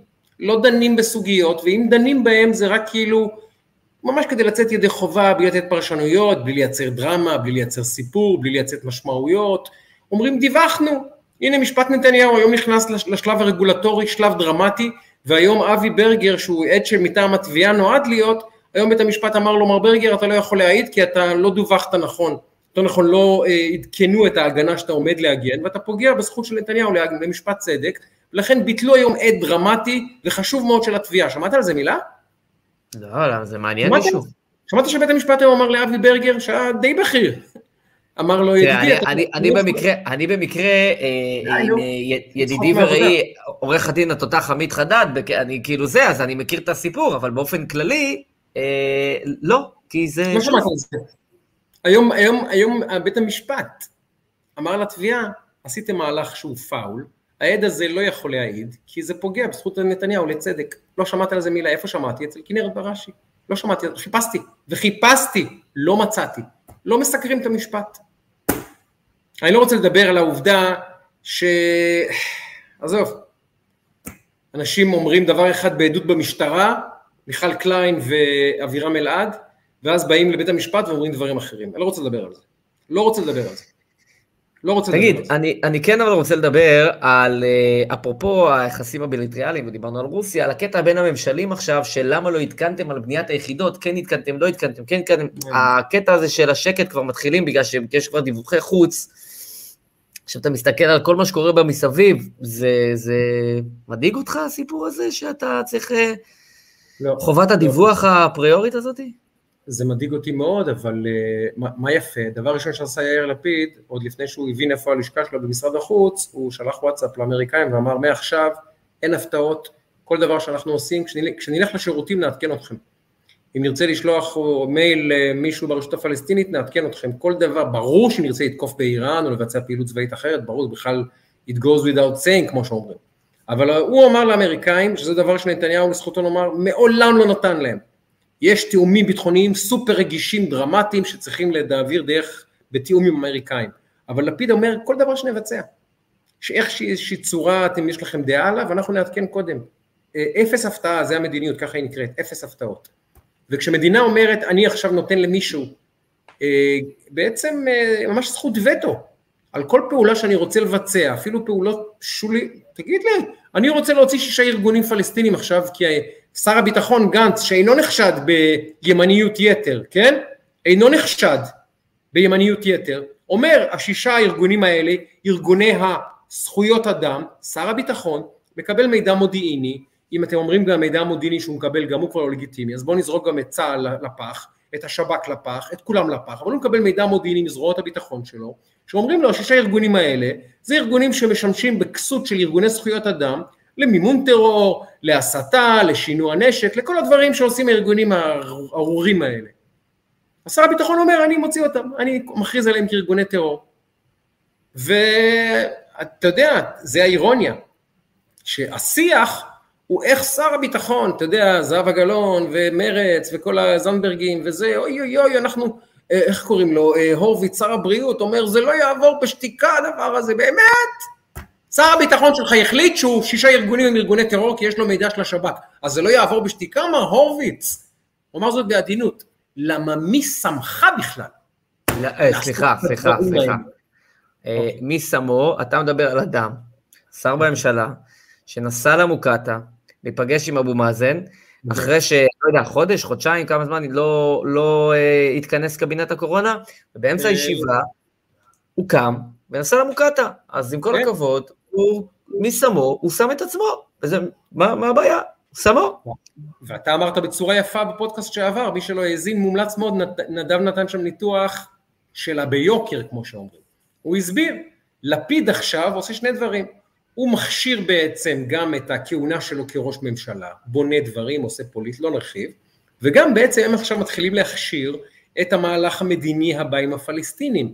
הם יודעים שהזמן שלהם קצוב, הם יודעים שבעוד ארבע שנים הממשלה הזאת נופלת והימין חוזר לשלטון, הם יודעים את זה, ואם לא יודעים את זה אז הם מטומטמים והם לא מטומטמים, אוקיי? הם יודעים את זה. אז בארבע שנים האלה הם אנשים, הם מנסים לגנוב את הסוסים מהאורווה עם הפלסטינים. והוא הלך לאבו מאזן וכנראה אמר לו, תקשיב אחי, אני מעריך שזה מה שהיה, מה יש לשר הבריאות לחפש אצל אבו מאזן? אמר לו, אחי, אני מקדם פה מהלך, אני, עליי, עליי, אני מארגן, תגיד לי מה אתה צריך, הם תופרים ביניהם את המהלך, ופתאום בא בני גנץ ותוקע לו מקל בגלגלים, ואומר שישה ארגוני זכויות אדם, כן, עם ארגוני טרור, אז ברור שהורוביץ מתרגז, כי זה עלול לפגוע במהלך שהוא מתכנן, שזה, אנחנו יודעים איזה מתכנן, מהלך מתכנן מה, ניצן הורוביץ ומיכל רוזין ותמר זנדברג, יודעים איזה מהלך הם מתכננים. ופתאום בני גנץ, הימני הקיצוני, הרדיקל. הרדיקל. אה, כן, באמת, באמת, הוא ואיתמר בן גביר יושבים ומנהלים שיחות על, אה, על, ברומו של העולם יום יום, כן, והוא מושפע ממשנתו של משה פייגלין, באמת, בני גנץ, כן, אפשר לומר על בני גנץ הרבה דברים, כן, באמת, לביטחון ישראל, בכל המשמרות שלו הוא דאג, אפשר לומר דאג יותר, דאג פחות, עשה יותר טוב, פחות טוב, אבל אי אפשר להטיל ספק באמת במחויבות שלו לביטחון ישראל, בסדר? אני מקווה שזה מוסכם על כולם. באמת, ביטחון ישראל חשוב לו. ואם הוא אומר, כשהוא בתוך ממשלת שמאל, החבר'ה האלה הם לא ארגוני זכויות אדם, זה fucking טרוריסטים, אז בא ניצן, איך קוראים לו, ניצן הורוביץ ואומר אנחנו יהיה פה משבר, אתם לא, אתם לא יודעים מה יהיה פה. ומיכל רוזין רומזת, אנחנו אם נצטרך גם נאתגר את הממשלה הזאת בהצבעות רומזת שאולי תעשה אי אמון. ככה זה עובד. ואז הם מנסים לעשות גיבוש, אבל זה נופל על, ה, אה, על המהומות אוקטובר, על יום אוקטובר. כן. ואז הם מנסים לעשות עוד גיבוש, אבל זה נופל על, אה, מה זה היה? על הטבח ב... לא זוכר איפה. כן. אה, אגב, טבח נוראי, אני קראתי על זה בעקבות העניין, משנות ה-50, לא זוכר, באמת אירוע מזעזע, שכאילו, לא שמעתי עליו, אבל זה באמת אירוע אה, מאוד מאוד מזעזע. אה, אה, לפני סיום, אה, א', אם יש איזשהו תגובות, זה שאתה רוצה להקריא לנו, שאולי שנתייחס אליהם לפני שאנחנו... שואלת ויקטוריה פרויט, דבר יפה. כן. מה דעתכם לארגן איזו הפגנת תמיכה במשפחה של אברה? שזה דבר יפה, שאולי אפשר להוציא מהפוט שלנו, לא ליד הבית, הפגנה באיזה מקום שנסכים עליו כולנו, ונצא ופשוט ננסה לייצר רעש גם באמצעות הפלטפורמות שלנו, אולי רשתות וכלי תקשורת אחרים יסכימו להירתם. נביא גם אנשים טובים, אבי בוסקילה, אנשים טובים מהשמאל, שגם כן הדבר הזה קרוב לליבם, יש גם הרבה אנשים טובים בצד השני שהדבר הזה חשוב להם לא פחות מאשר לנו, וננסה לייצר פה איזשהו... אה, יכול להיות שאנחנו צריכים לייצר גם איזשהו פוד ייחודי, אנחנו, הרי בכל שבוע, מי שעוקב יודע, אנחנו בכל שבוע מאז, אני חושב, הפרק הראשון או השני, ואנחנו בפרק 53, אה, לקחנו על עצמנו את הדבר הזה, לא כי שי ואני עכשיו רצים אה, לחלץ אותו אה, מרצועת עזה, אלא כי יש לנו חובה אזרחית, ואנחנו מנסים להציף את הנושא הזה ולהעלות אותו לתודעה, ולפני כל אורח אנחנו מציפים אותו. יכול להיות ששווה לעשות איזשהו פוד ייחודי לגבי הדבר הזה. מעניין, אני ממש לא שולל. מה עוד, כן? אני, אסיים בשאלה שאני רציתי לשאול אותך, ואתה יודע מה, אני... אני אשלח וואטסאפ שאני קצת מתעכב, אני מקווה שצריך לעלות בשידור באיזה רדיו. אה, אני אשלח להם וואטסאפ תכף, מקווה שזה בסדר, אבל שואל אה, רוני עומר, זה שמו, אני קורא נכון, אה, הוא שואל מהם כאבי הבטן של שקד, הוא טוען שהיא במגעים לחבור לגנץ, אני לא, אני לא חושב שהיא חוברת לגנץ, אבל תנתח לי את הסבב נאומים, שעש, לא נאומים, סליחה, סבב רעיונות שעשתה שקד לפני יומיים שלושה, שבו היא בעצם אומרת, אני ימנית, ימין אמיתי, ואני מתנגד בכלל לחוק נתניהו, שהוא כמובן לא חוק פרסונלי, לקרוא לחוק על שמו של בן אדם לא פרסונלי, זה אחד... מצחיק לראות את, אה, את איך קוראים להם, המשותפת, את איימן עודה אומר, אה, זה ממש לעשות אחד לשני, אחד אתה רואה כאילו, אה, זה לא חוק פרסונלי, ואז אומר, אנחנו נתמוך בחוק נתניהו, אפשר להביא אותו שבוע הבא. כזה, אז אנחנו ב... אתה יודע, זה קצת, זה קצת מביך לקרוא את זה, זה קצת מביך. זה לא מהמקפצה, זה מהמקפצה האולימפית. אז רוני, אז ברדוגו מתעקש. בסדר, רוני, אז, אז ברדוגו מתעקש, מותר לברדוגו להתעקש, זה לא אומר שזה אמת, ברדוגו מתעקש. ואני, ואני מתעקש, אה, אה, נדב שטראופלר צריך להיות הרמטכ"ל, ברדוגו מתעקש, הכל בסדר, מותר לברדוגו להתעקש. ובוא נשאל אותך, ונדב באמת, למי שלא יודע, והוא מכיר אותנו אה, רק עכשיו בפעם הראשונה, אה, הוא יועץ אסטרטגי מהבולטים במדינה, אה, שירת לצידו של נתניהו וגם לצידם של פוליטיקאים אחרים, נתן ייעוצים אסטרטגיים, באמת מהמומחים הפוליטיים הגדולים במדינה הזאת. רוצה לשמוע את הטייק שלך גם לגבי גברת סילמן שמפלטטת כך לפי השמועות ולפי הדיווחים ממשפחת לפיד, מפלגת לפיד סליחה, וגם איילת שקד ומה המוב שלדעתך שתיהן, כל אחת מהן בדרכה, שתיהן מימין אגב שזה מעניין. קודם כל יש דבר מעניין שאני מציע לכל הצופים והצופות והמאזינים והמאזינות לראות, שאני לא רוצה להגיד בכל, אבל ברוב הפוסטים של אנשי ימינה, וזה לא חשוב מי, מי, מי מהאנשים, אה, בטוויטר ובפייסבוק, רוב הפוסטים, לא כולם, אה, יש יותר תגובות מלייקים, שזו mm. תופעה די חריגה. אבל בימינה, תבדוק אותי, תבדוק אותי, כמעט, בוא נגיד, יותר מ-50% מהפוסטים, זה אירוע חריג, כאילו, תחשוב על זה, אבל יותר מ-50% מהפוסטים, יש יותר תגובות מלייקים. אתה מבין מה אני אומר? זה, זה רשיו בלתי סביר. זה מעיד על רמת המעורבות הרגשית. האנטגוניזם. ברור, ורוב התגובות, מי שקורא... זה לא תגובות של וואו, אני מאוהב. בדיוק, הן לא תגובות אוהדות. אגב, גם בפוסט של זהבה גלאון שאתמול היא כתבה ולא הספקנו לדבר עליו, היו 230 לייקים ומאות רבות של תגובות, כמעט כולן תגובות אה, ביקורתיות מאוד, זה מרתק לראות את זה. תמשיך. אז, אז זה, נגעת בנקודה, זהבה, על, על, אגב, זה, אגב, עם כל הזה, זהבה אישיות אה, רשת אה, פנטסטית, כן? לא משנה עכשיו אתה אוהב, לא אוהב, היא עושה עבודה מדהימה מבחינתה, זאת אומרת, היא, היא חיה ברשתות, והיא כאילו לא פוליטיקאית כבר הרבה שנים, היא לא בתוך העניין, והיא מצליחה לייצב את עצמה, אבל זה ניתוח אחר. אה, רוב הפוסטים של ימינה, אה, אנשי ימינה, אתה רואה יותר תגובות מלייקים. עכשיו תראה, לגבי איילת, אני רוצה להגיד קודם כל, ייאמר לזכותה. גם בסיבוב הקודם, שהיא אמרה, אה, והיא שקטה בלשונה, אנחנו נכיל, ואז זה נהיה כבר הנושא של ההכלה וכולי, היא עשתה גם אז, אם אתה זוכר, זה סבב הרעיונות הקודם שלה. היא, אה, אני חושב, אה, ואני אומר את זה, ייאמר לזכותה, לא בציניות, אני חושב שהיא היחידה שבאופן מתמשך, סתם, אני הגיע לי עכשיו פוש, ארה"ב מודאגים מאוד מהתוכנית הישראלית לקידום בנייה בהתנחלויות. אוקיי, זה כן. אותות אזהרה, זה כבר, אתה יודע, זה מתחיל, אתה, אתה מתחיל, זה מתכתב ממה שדיברנו שבוע שעבר, לגבי לאן הרוח נושבת. ברור, מתחילים. אה, ייאמר לזכותה, היא נלחמת בשביל נפתלי. לא בשוחות מאחורי הקלעים, לפני הקלעים. היא הולכת ומגנה עליו. וזאת, ו, וזה מראה לך על חוזק הקשר ביניהם ברמה הרגשית, לא רק ברמה השכלית. אמת.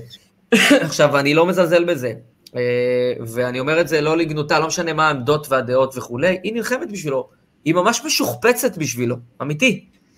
אה, ולכן זה גם מראה שזה בונד מאוד חזק, ולכן מי שחושב שמחר בבוקר והיא... סופגת, והיא סופגת אה, פגיעה היקפית לא קלה לשם שלה, לקריירה שלה. חד משמעית, היא הייתה, תראה את גדעון סער, בסדר, הוא שר בממשלה הזאת, כמה פעמים ראית אותו מתראיין ב... לא מתראיין, לא מתראיין. כמה פעמים ראית אותו מתראיין ומדבר, מגן על מדיניות הממשלה. לא מתראיין, אני יודע איפה הוא יתראיין אבל. אני יודע, זה יהיה ביומן שישי בעוד כמה שבועות כשגאולה תתחיל להגיש, שם אני מניח שיהיה רעיון.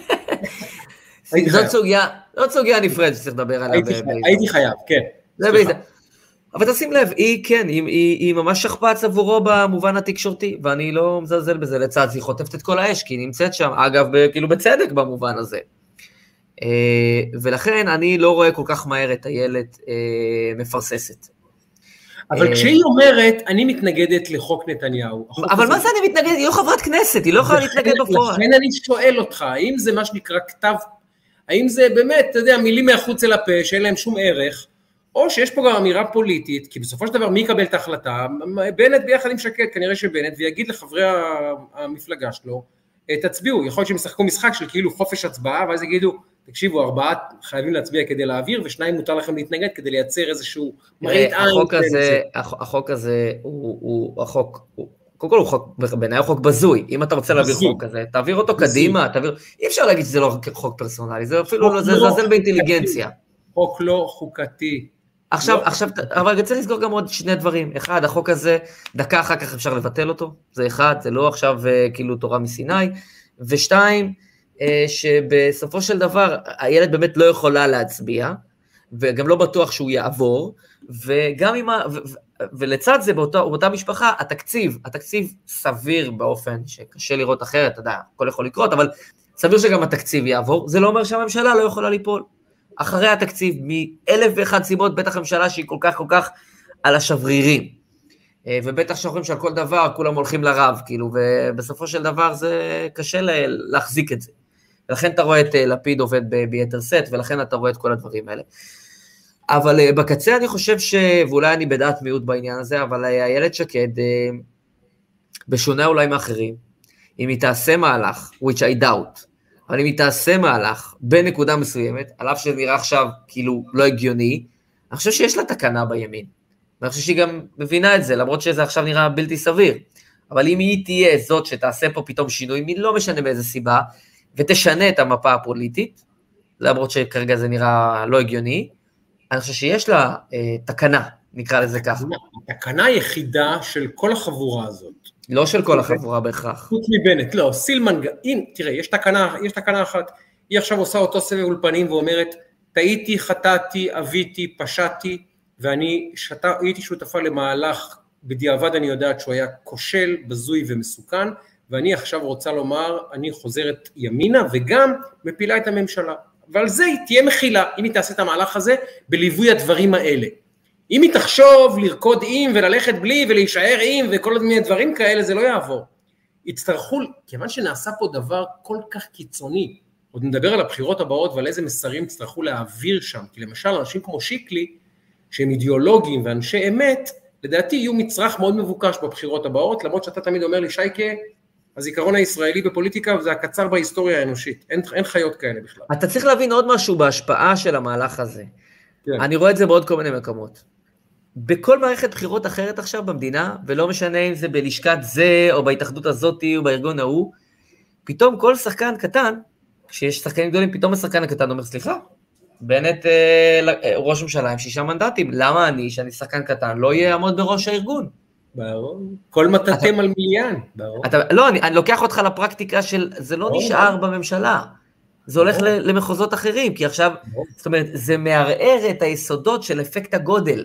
אתה מבין? המשחק משתנה, וזה לא דבר פוזיטיבי בדמוקרטיה, לא קשור לימין ושמאל.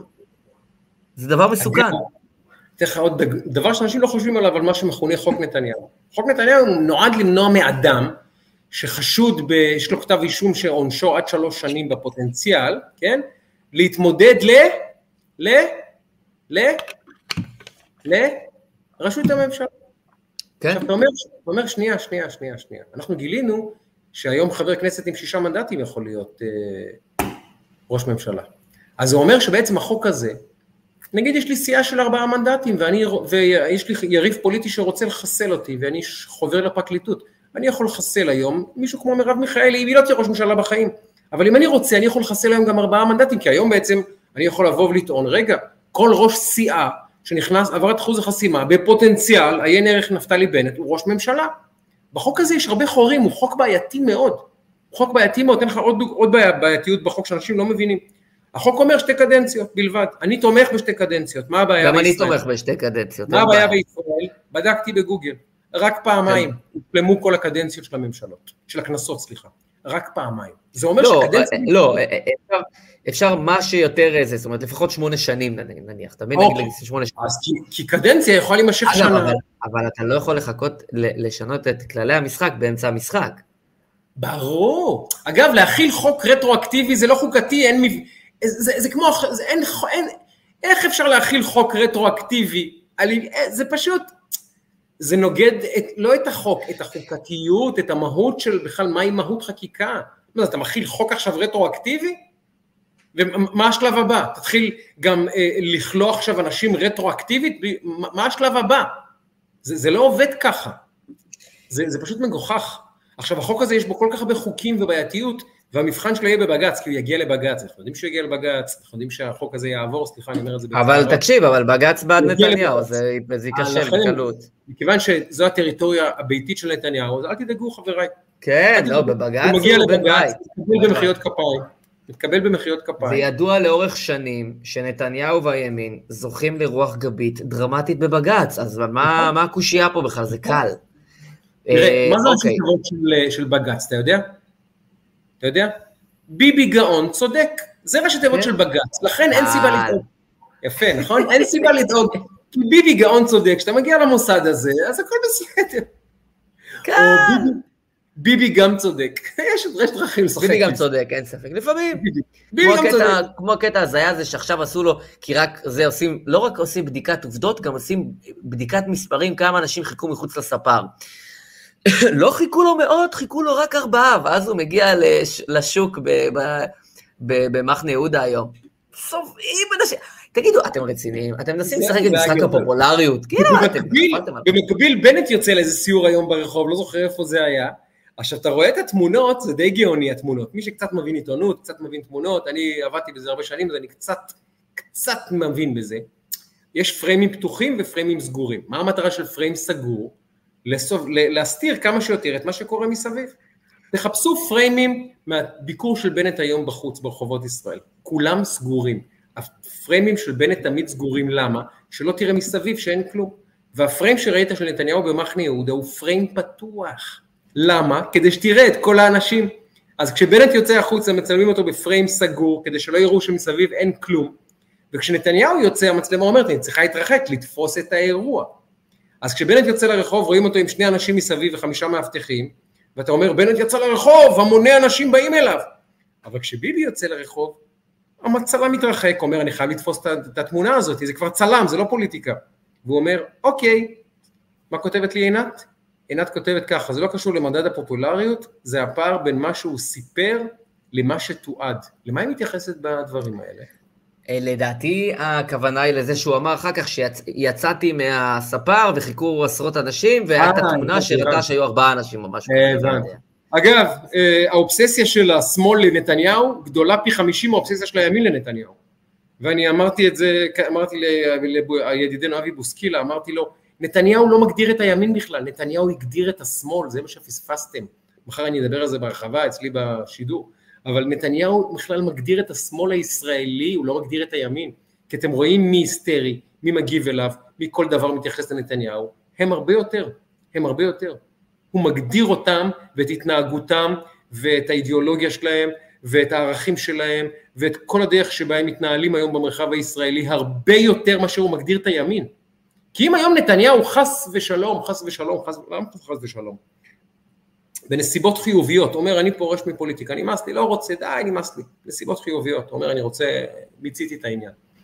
אני אעדכן את חבריי בשמאל, הימין הישראלי לא ייסגר, לא יגידו אוקיי, סוגרים את הבסטה, עוברים להצביע בני גנץ, זה, זה, זה לא האירוע חברים, זה לא האירוע, אוקיי? מצד שני, אם תיקח לשמאל את נתניהו, יהיה קשה, יהיה קשה, יהיה אירוע קשה שם. יהיה, יהיה. מה הם יעשו? זה יהיה ואקום ענק, זה ואקום עצום. ברור, הם צריכים אותו יותר מאשר אנחנו צריכים אותו. הוא מאחד אותם, הוא הדבק שהדביק את הממשלה הזאת, זה נתניהו. מי הקים את הממשלה הזאת? בנט? מה פתאום? נתניהו הקים את הממשלה הזאת. זה מה שאנשים לא מבינים. למרות שאני גורס, למרות שאני גורס שכולם אומרים, כן, אם נתניהו יזוז הצידה, אז uh, הממשלה תתפרק, אני לא חושב שזה נכון, אני חושב שאם נתניהו יזוז הצידה, אז יקרו דברים אחרים, והממשלה הזו דווקא תאריך יותר ימים, אבל נדבר על זה עוד ב- ב- בהזדמנות הבאה. ושייקי, אני יודע שאתה צריך לרוץ, ולכן אה, אנחנו כבר אה, תכף אה, מתכנסים וכונסים את עצמנו, את אה, שיחת רקע שעשינו היום. אגב, תנו לנו משוב. אה, האם הסאונד יותר טוב כי אנחנו מנסים להשתדרג, האם הלייב אה, מגניב וסבבה ולהמשיך, אנחנו פתוחים, אה, אתה יודע, אנחנו מנסים להשתדרג כל הזמן. אה, אז אנחנו אה, כבר נגיד שאתם יכולים לתפוס אותנו בספוטיפיי וביוטיוב ובפייסבוק ובפודבין ובגוגל פודקאסט ובאפל פודקאסט, אנחנו באמת בהרבה מאוד מקומות, וזו גם הזדמנות להגיד לכם ולכם. ובשקית של אלקין, אנחנו גם בשקית של אלקין, תפתחו אותה, אנחנו שם. תפתחו את השקית של אלקין. זה, זה, במפה אתם תמצאו בדיוק את התמונה הזאתי, אז, אז באמת זאת הזדמנות, כי זה לא מובן מאליו להגיד לכן ולכם תודה רבה רבה על ההאזנה, על הצפייה, על המעקב, על התגובות, על ההודעות, על כל מה שאתם אה, מפדבקים אותנו לשלילה ולחיוב, אנחנו מאוד מאוד מעריכים את זה, ובעיקר, בעיקר את הזמן שלכם. אה, אז באמת תודה רבה וגדולה. רגע, אני תודה. חייב אבל, הבטחתי ללירן אלשיך שאני אתייחס לאמנון לוי, אני חייב שתי מילים, אם אתה לא מכיר בבקשה. את הציוץ, בבקשה. אני חייב, חייב להראות לך את הציוץ, שלח לי אותו זאב אברהמי, שעם השם הטוב שבשמיים ירצה, נצליח לדבר איתו שבוע הבא, רצינו היום להעלות אותו, אדם מרתק ומעניין, אה, אני אבל, אה, אני אבל אה, אקרא לך מה אומר היום אמנון לוי, הוא מראיין את זהבה גלאון בעקבות המאמר שגם עליו לצערי לא הספקנו לדבר, המביש, התקדימי באלימות שלו, ומאמר שבעיניי צריך להוציא אותה מהלגיטימיות בשיח הישראלי כי נחצו בו קווים. זה לא מאמר שטנה. נעשה פה דבר שאסור לעשות, אבל דיברתי על זה הרבה בכל מקרה. אז הוא מראיין את אה, זהבה גלאון, שואל אותה את השאלה הבאה. האם את זהבה גלאון או גלית דיסטל? עכשיו, לכאורה זו שאלה תמימה. אמנון. אמנון לוי שואל את זהבה גלאון, האם את זהבה גלאון או גלית דיסטל? בואו נדבר קצת על אה, איך עובדת התקשורת האנושית, לא תקשורת כלי התקשורת, תקשורת האנושית. תקשורת האנושית זה קצת בלשנות, קצת פילוסופיה, אתם מסוגלים להכיל את זה, זה יהיה מעניין. תקשורת האנושית מבוססת על מסמנים ומסומנים. מה זה מסמן? למשל אני אומר כוס, אני סימנתי את הכוס ואני קורא לה עכשיו כוס, היא מסמנת. עכשיו היא הפכה למסומנת וכשנדב שומע כוס הוא יודע למה אני מתכוון כי היא מסומנת ככוס. מוסכם. עכשיו ברגע שאני יודע מה זה כוס, נדב יודע מה זה כוס, אנחנו יודעים כשאנחנו רואים את המילה כוס למה המשמעות וככה נוצרת שיחה. אז ככה נוצרת תקשורת באמצעות מסמנים מוסכמים ומסומנים מס, מ, אה, אה, מוסכמים. עכשיו אתמול זהבה גלאון מנסה לייצר מסמן חדש, ימני, ימני הוא בהמה שוביניסטית, הומופובית, אה, מה עוד קרה לנו? אה, לא זוכר, גזענית, אה, מה לא, חוץ מפדופיליה האשימו אותנו בהכל, אוקיי? אצל דנה וייס מסמן, המסמן שלה, ביביסט, הוא וולגרי, לא ממלכתי, טה זה המסמן, והיא רוצה שהוא יהפוך להיות מסומן.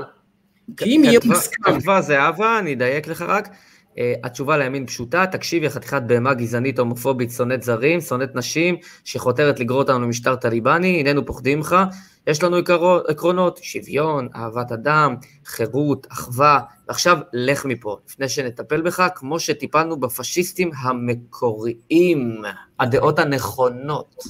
עכשיו זהבה, הרי המאבק פה הוא על השיח ועל הנרטיב, לא נחזור, זו שיחה ארוכה, אבל בגדול זהבה מנסה לייצר זה בכלל השיח בשמאל הישראלי שמנסה לייצר מסמן חדש ומסומן חדש לימני.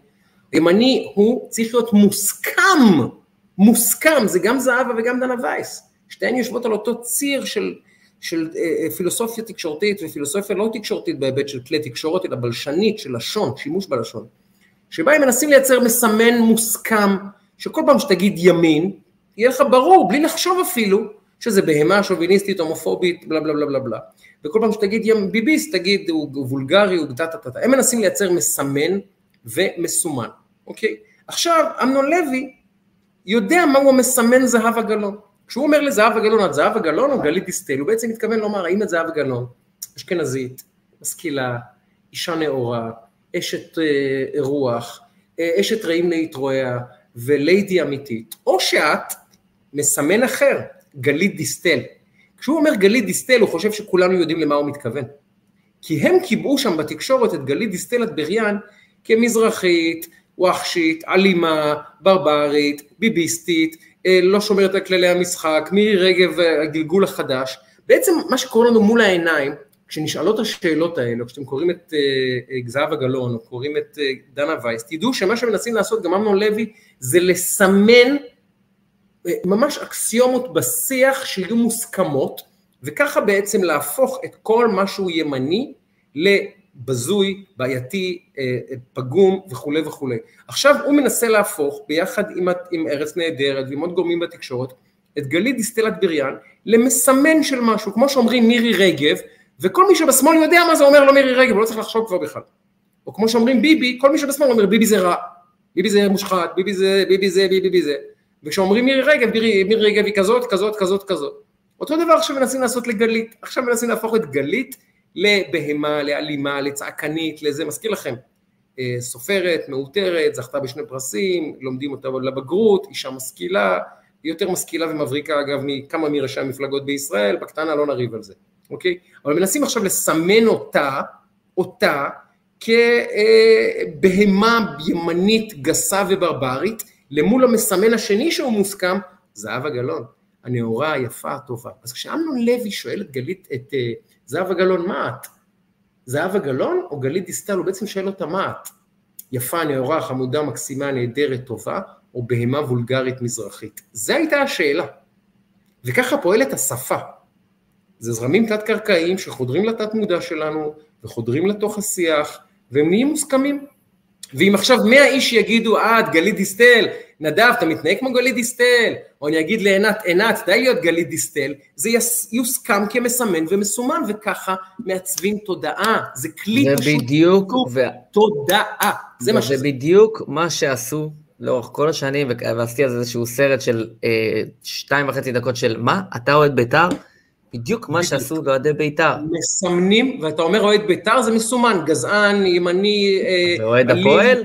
איינשטיין. אוהד הפועל, לא, אריק איינשטיין. מלח הארץ. בן כספית, מצטלמים שם כולם, מקסימים, חמודים, ואנחנו, מי שלא ראה את האולטרס של הפועל בפעולה, לא ראה ברברים, חוליגנים, אלימים, לא פחות גרועים מלה פמיליה, אולי יותר אפילו. אבל זה בסדר. זה כן. הפועל, הפועל זה חמוד, זה מיקי חיימוביץ'. אבל למה, מה אתה רוצה? יש שקט. אבל יש כן. שקט, מה אתה רוצה? יש שקט. אז תדעו חברים, שכשאתם רואים, כשאתם קולטים שמשהו חוזר על עצמו בשיח, תדעו שמנסים לסמן לכם, לקבע לכם בתודעה משהו כמשהו. מנסים לקבע את גלית כבזוי, ואת זהבה ממשיכים לשמור כנכון. ככה עובדת השפה, ככה עובדת התקשורת, ככה שותלים בתוך התודעה מסרים מוצפנים, שאתם פתאום צריכים להילחם ולומר, רגע, למה כל מי שאומר אני ביבי הוא פסול? כי שתלו במשך שנים, שנים, שנים, שנים את המסמן של ביבי זה מושחת, ביבי זה רקוב, ביבי זה עלוב, ביבי זה מסוכן, ביבי זה גנב, ביבי זה, זה, זה זבל, וזה הוסכם כמסמן בחלק די גדול של הציבור, לא גדול, במיעוט של הציבור, אבל מיעוט שכרגע לדעתי שולט, לצערי שולט במדינה, זה מוסכם ביבי כמסמן פסול. והוא עכשיו הופך להיות מסומן. ואנחנו נאבקים בעצם על זה שביבי לא יהפוך להיות מסומן מוסכם בלשון העברית כדבר בזוי. זה המאבק. זה לקאן, זה בלשנות, זה, זה אוניברסיטה, אבל תשימו לב, זה כאילו תיאוריה אקדמית שאתם רואים אותה בחיים שלכם ממש מול האף. סליחה על ההרצאה. לא, לא, לא, זו הרצאה חשובה, ואני חושב שלהמשגה ולמסגור ולדטרמיניזם הזה אה, יש השפעה, השפעה אדירה, אדירה, גם למה, איך מבנים את המציאות, מה מעלימים, מה ממסגרים, מה טוב, מה רע, איך מחליטים לך. אה, זה דבר, באמת, לא, זה לא הייתה הרצאה, זה, אני חושב שזה מאוד מאוד חשוב ההעברה הזאת, וגם הבטחת וקיימת. אה, אני רק רוצה לסגור לך את הדבר האחרון, ניצן, שדיברתי עליו מוקדם יותר, שזאת החולצה שלה, אה, כתבה לי, אתה לא מאמין, היום זה התאריך העברי שלי, גיליתי שם זה יום הולדת שלי. אז תראה, גל, איזה כיף, איזה יופי. לא, אבל אה, כבוד שהיא נתנה לך את החולצה שלה וזה, כבוד. הולדת העברי, אבל כן, כבוד, כבוד לגמרי, לגמרי. יפה, אז אנחנו מתכנסים וכונסים את אה, פרק מספר... אני אגיד עוד משפט אחד. תן, תן, חביבי, תן. כתב לי, ברח לי שמו, סליחה, סליחה, סליחה, סלח לי, כתב לי מישהו במסנג'ר, אולי תעלו פעם אה, לשיחה עם המאזינים, אחד או שניים אה, מהמאזינים, עכשיו יש לנו פלטפורמה שמאפשרת את זה, אולי נעשה שיחה ונצרף אתכם לכמה דקות, לשמוע אתכם, לדבר איתכם, כדי לייצר את התחושה של באמת הפוד מארח את המאזינים. יותר מזה, זה נכון, וגם אנחנו, מכיוון שיש פה אבולוציה, אנחנו פרק 53 ואנחנו משתדלים כל פעם להתפתח, אז אנחנו מאוד קשובים גם, אתם יודעים את זה, מי שעוקב פה יודע, מאוד קשובים ומחפשים כל הזמן איך uh, להתפתח עם הדבר הזה, וכל הצעה היא רלוונטית, ולכן, לגמרי, אהלן וסהלן, נעשה את זה בהחלט. אה, על הכיפאק, שייקה, היה לי לעונג, התגעגעתי לך אח שלי, אנחנו נגיד... נגיד תודה רבה וגדולה לרני אשל, שעכשיו אורז את זה, מי שלא תפס פה בלייב, אז הוא אורז את זה, מכנס, מסדר, מהנדס, מערבב, ממקסס, ומביא את המוצר הזה ישירות אליכם, ביוטיוב, בספוטיפיי, בכל הפלטפורמות שדיברנו עליהן, זה הזמן גם לעשות subscribe, להתחבר, אנחנו כבר באמת אלפי אנשים שעוקבים אחרי הדבר הזה, אנחנו מגיעים פה לפרקים של עשרות רבות של אלפי האזנות וצפיות, זה פשוט מרגש ומדהים, אז שלכם הדבר הזה כמו שהוא שלנו. אז uh, נגיד לכם ולכם, תודה רבה רבה, uh, לא מובן מאליו. ויאללה בית"ר נשים, מה השם של הקבוצה? בית"ר לניאדו שטרייכלר? איך קוראים לה עכשיו? כן, כן, ככה קוראים יאללה בית"ר לניאדו שטרייכלר, יאללה בית"ר לניאדו שטרייכלר, יאללה. מדהים, מדהים, מדהים, כן, מאוד מרגש. יפה. על הכיפאק. שייקה, אז אה, איך זה עובד פה בפלטפורמה החדשה הזאת? אתה נועל אותנו, אני לא יודע איך זה כבר, אני כל פעם לומד פה משהו חדש, תענית הטכנולוגיה. אני על סנג'ר שלך, מה תפקידי בחיים המסכנים האלה? מה? לתת לך שירות, זו זכות לתת שירות. כל פעם שהבת שלי משפיטה אותי, והיא משפיטה אותי כפרה על העיניים היפות שלה, משפיטה לי את הצורה, באמת. חיילים אנחנו, חיילים. אני אומר לה, זו זכות לתת שירות. והיא אומרת לי, אבא, תוסיף, זו זכות לתת שירות לנועה. אז אני נותן, זו זכות לתת שירות לנדב. זכות. אהבה גדולה, אהבה רבה, אחי. אנחנו נפרדים ואני אסיים את השידור אחרי. יאללה, חיבוק גדול לכולן ולכולם, סלמת.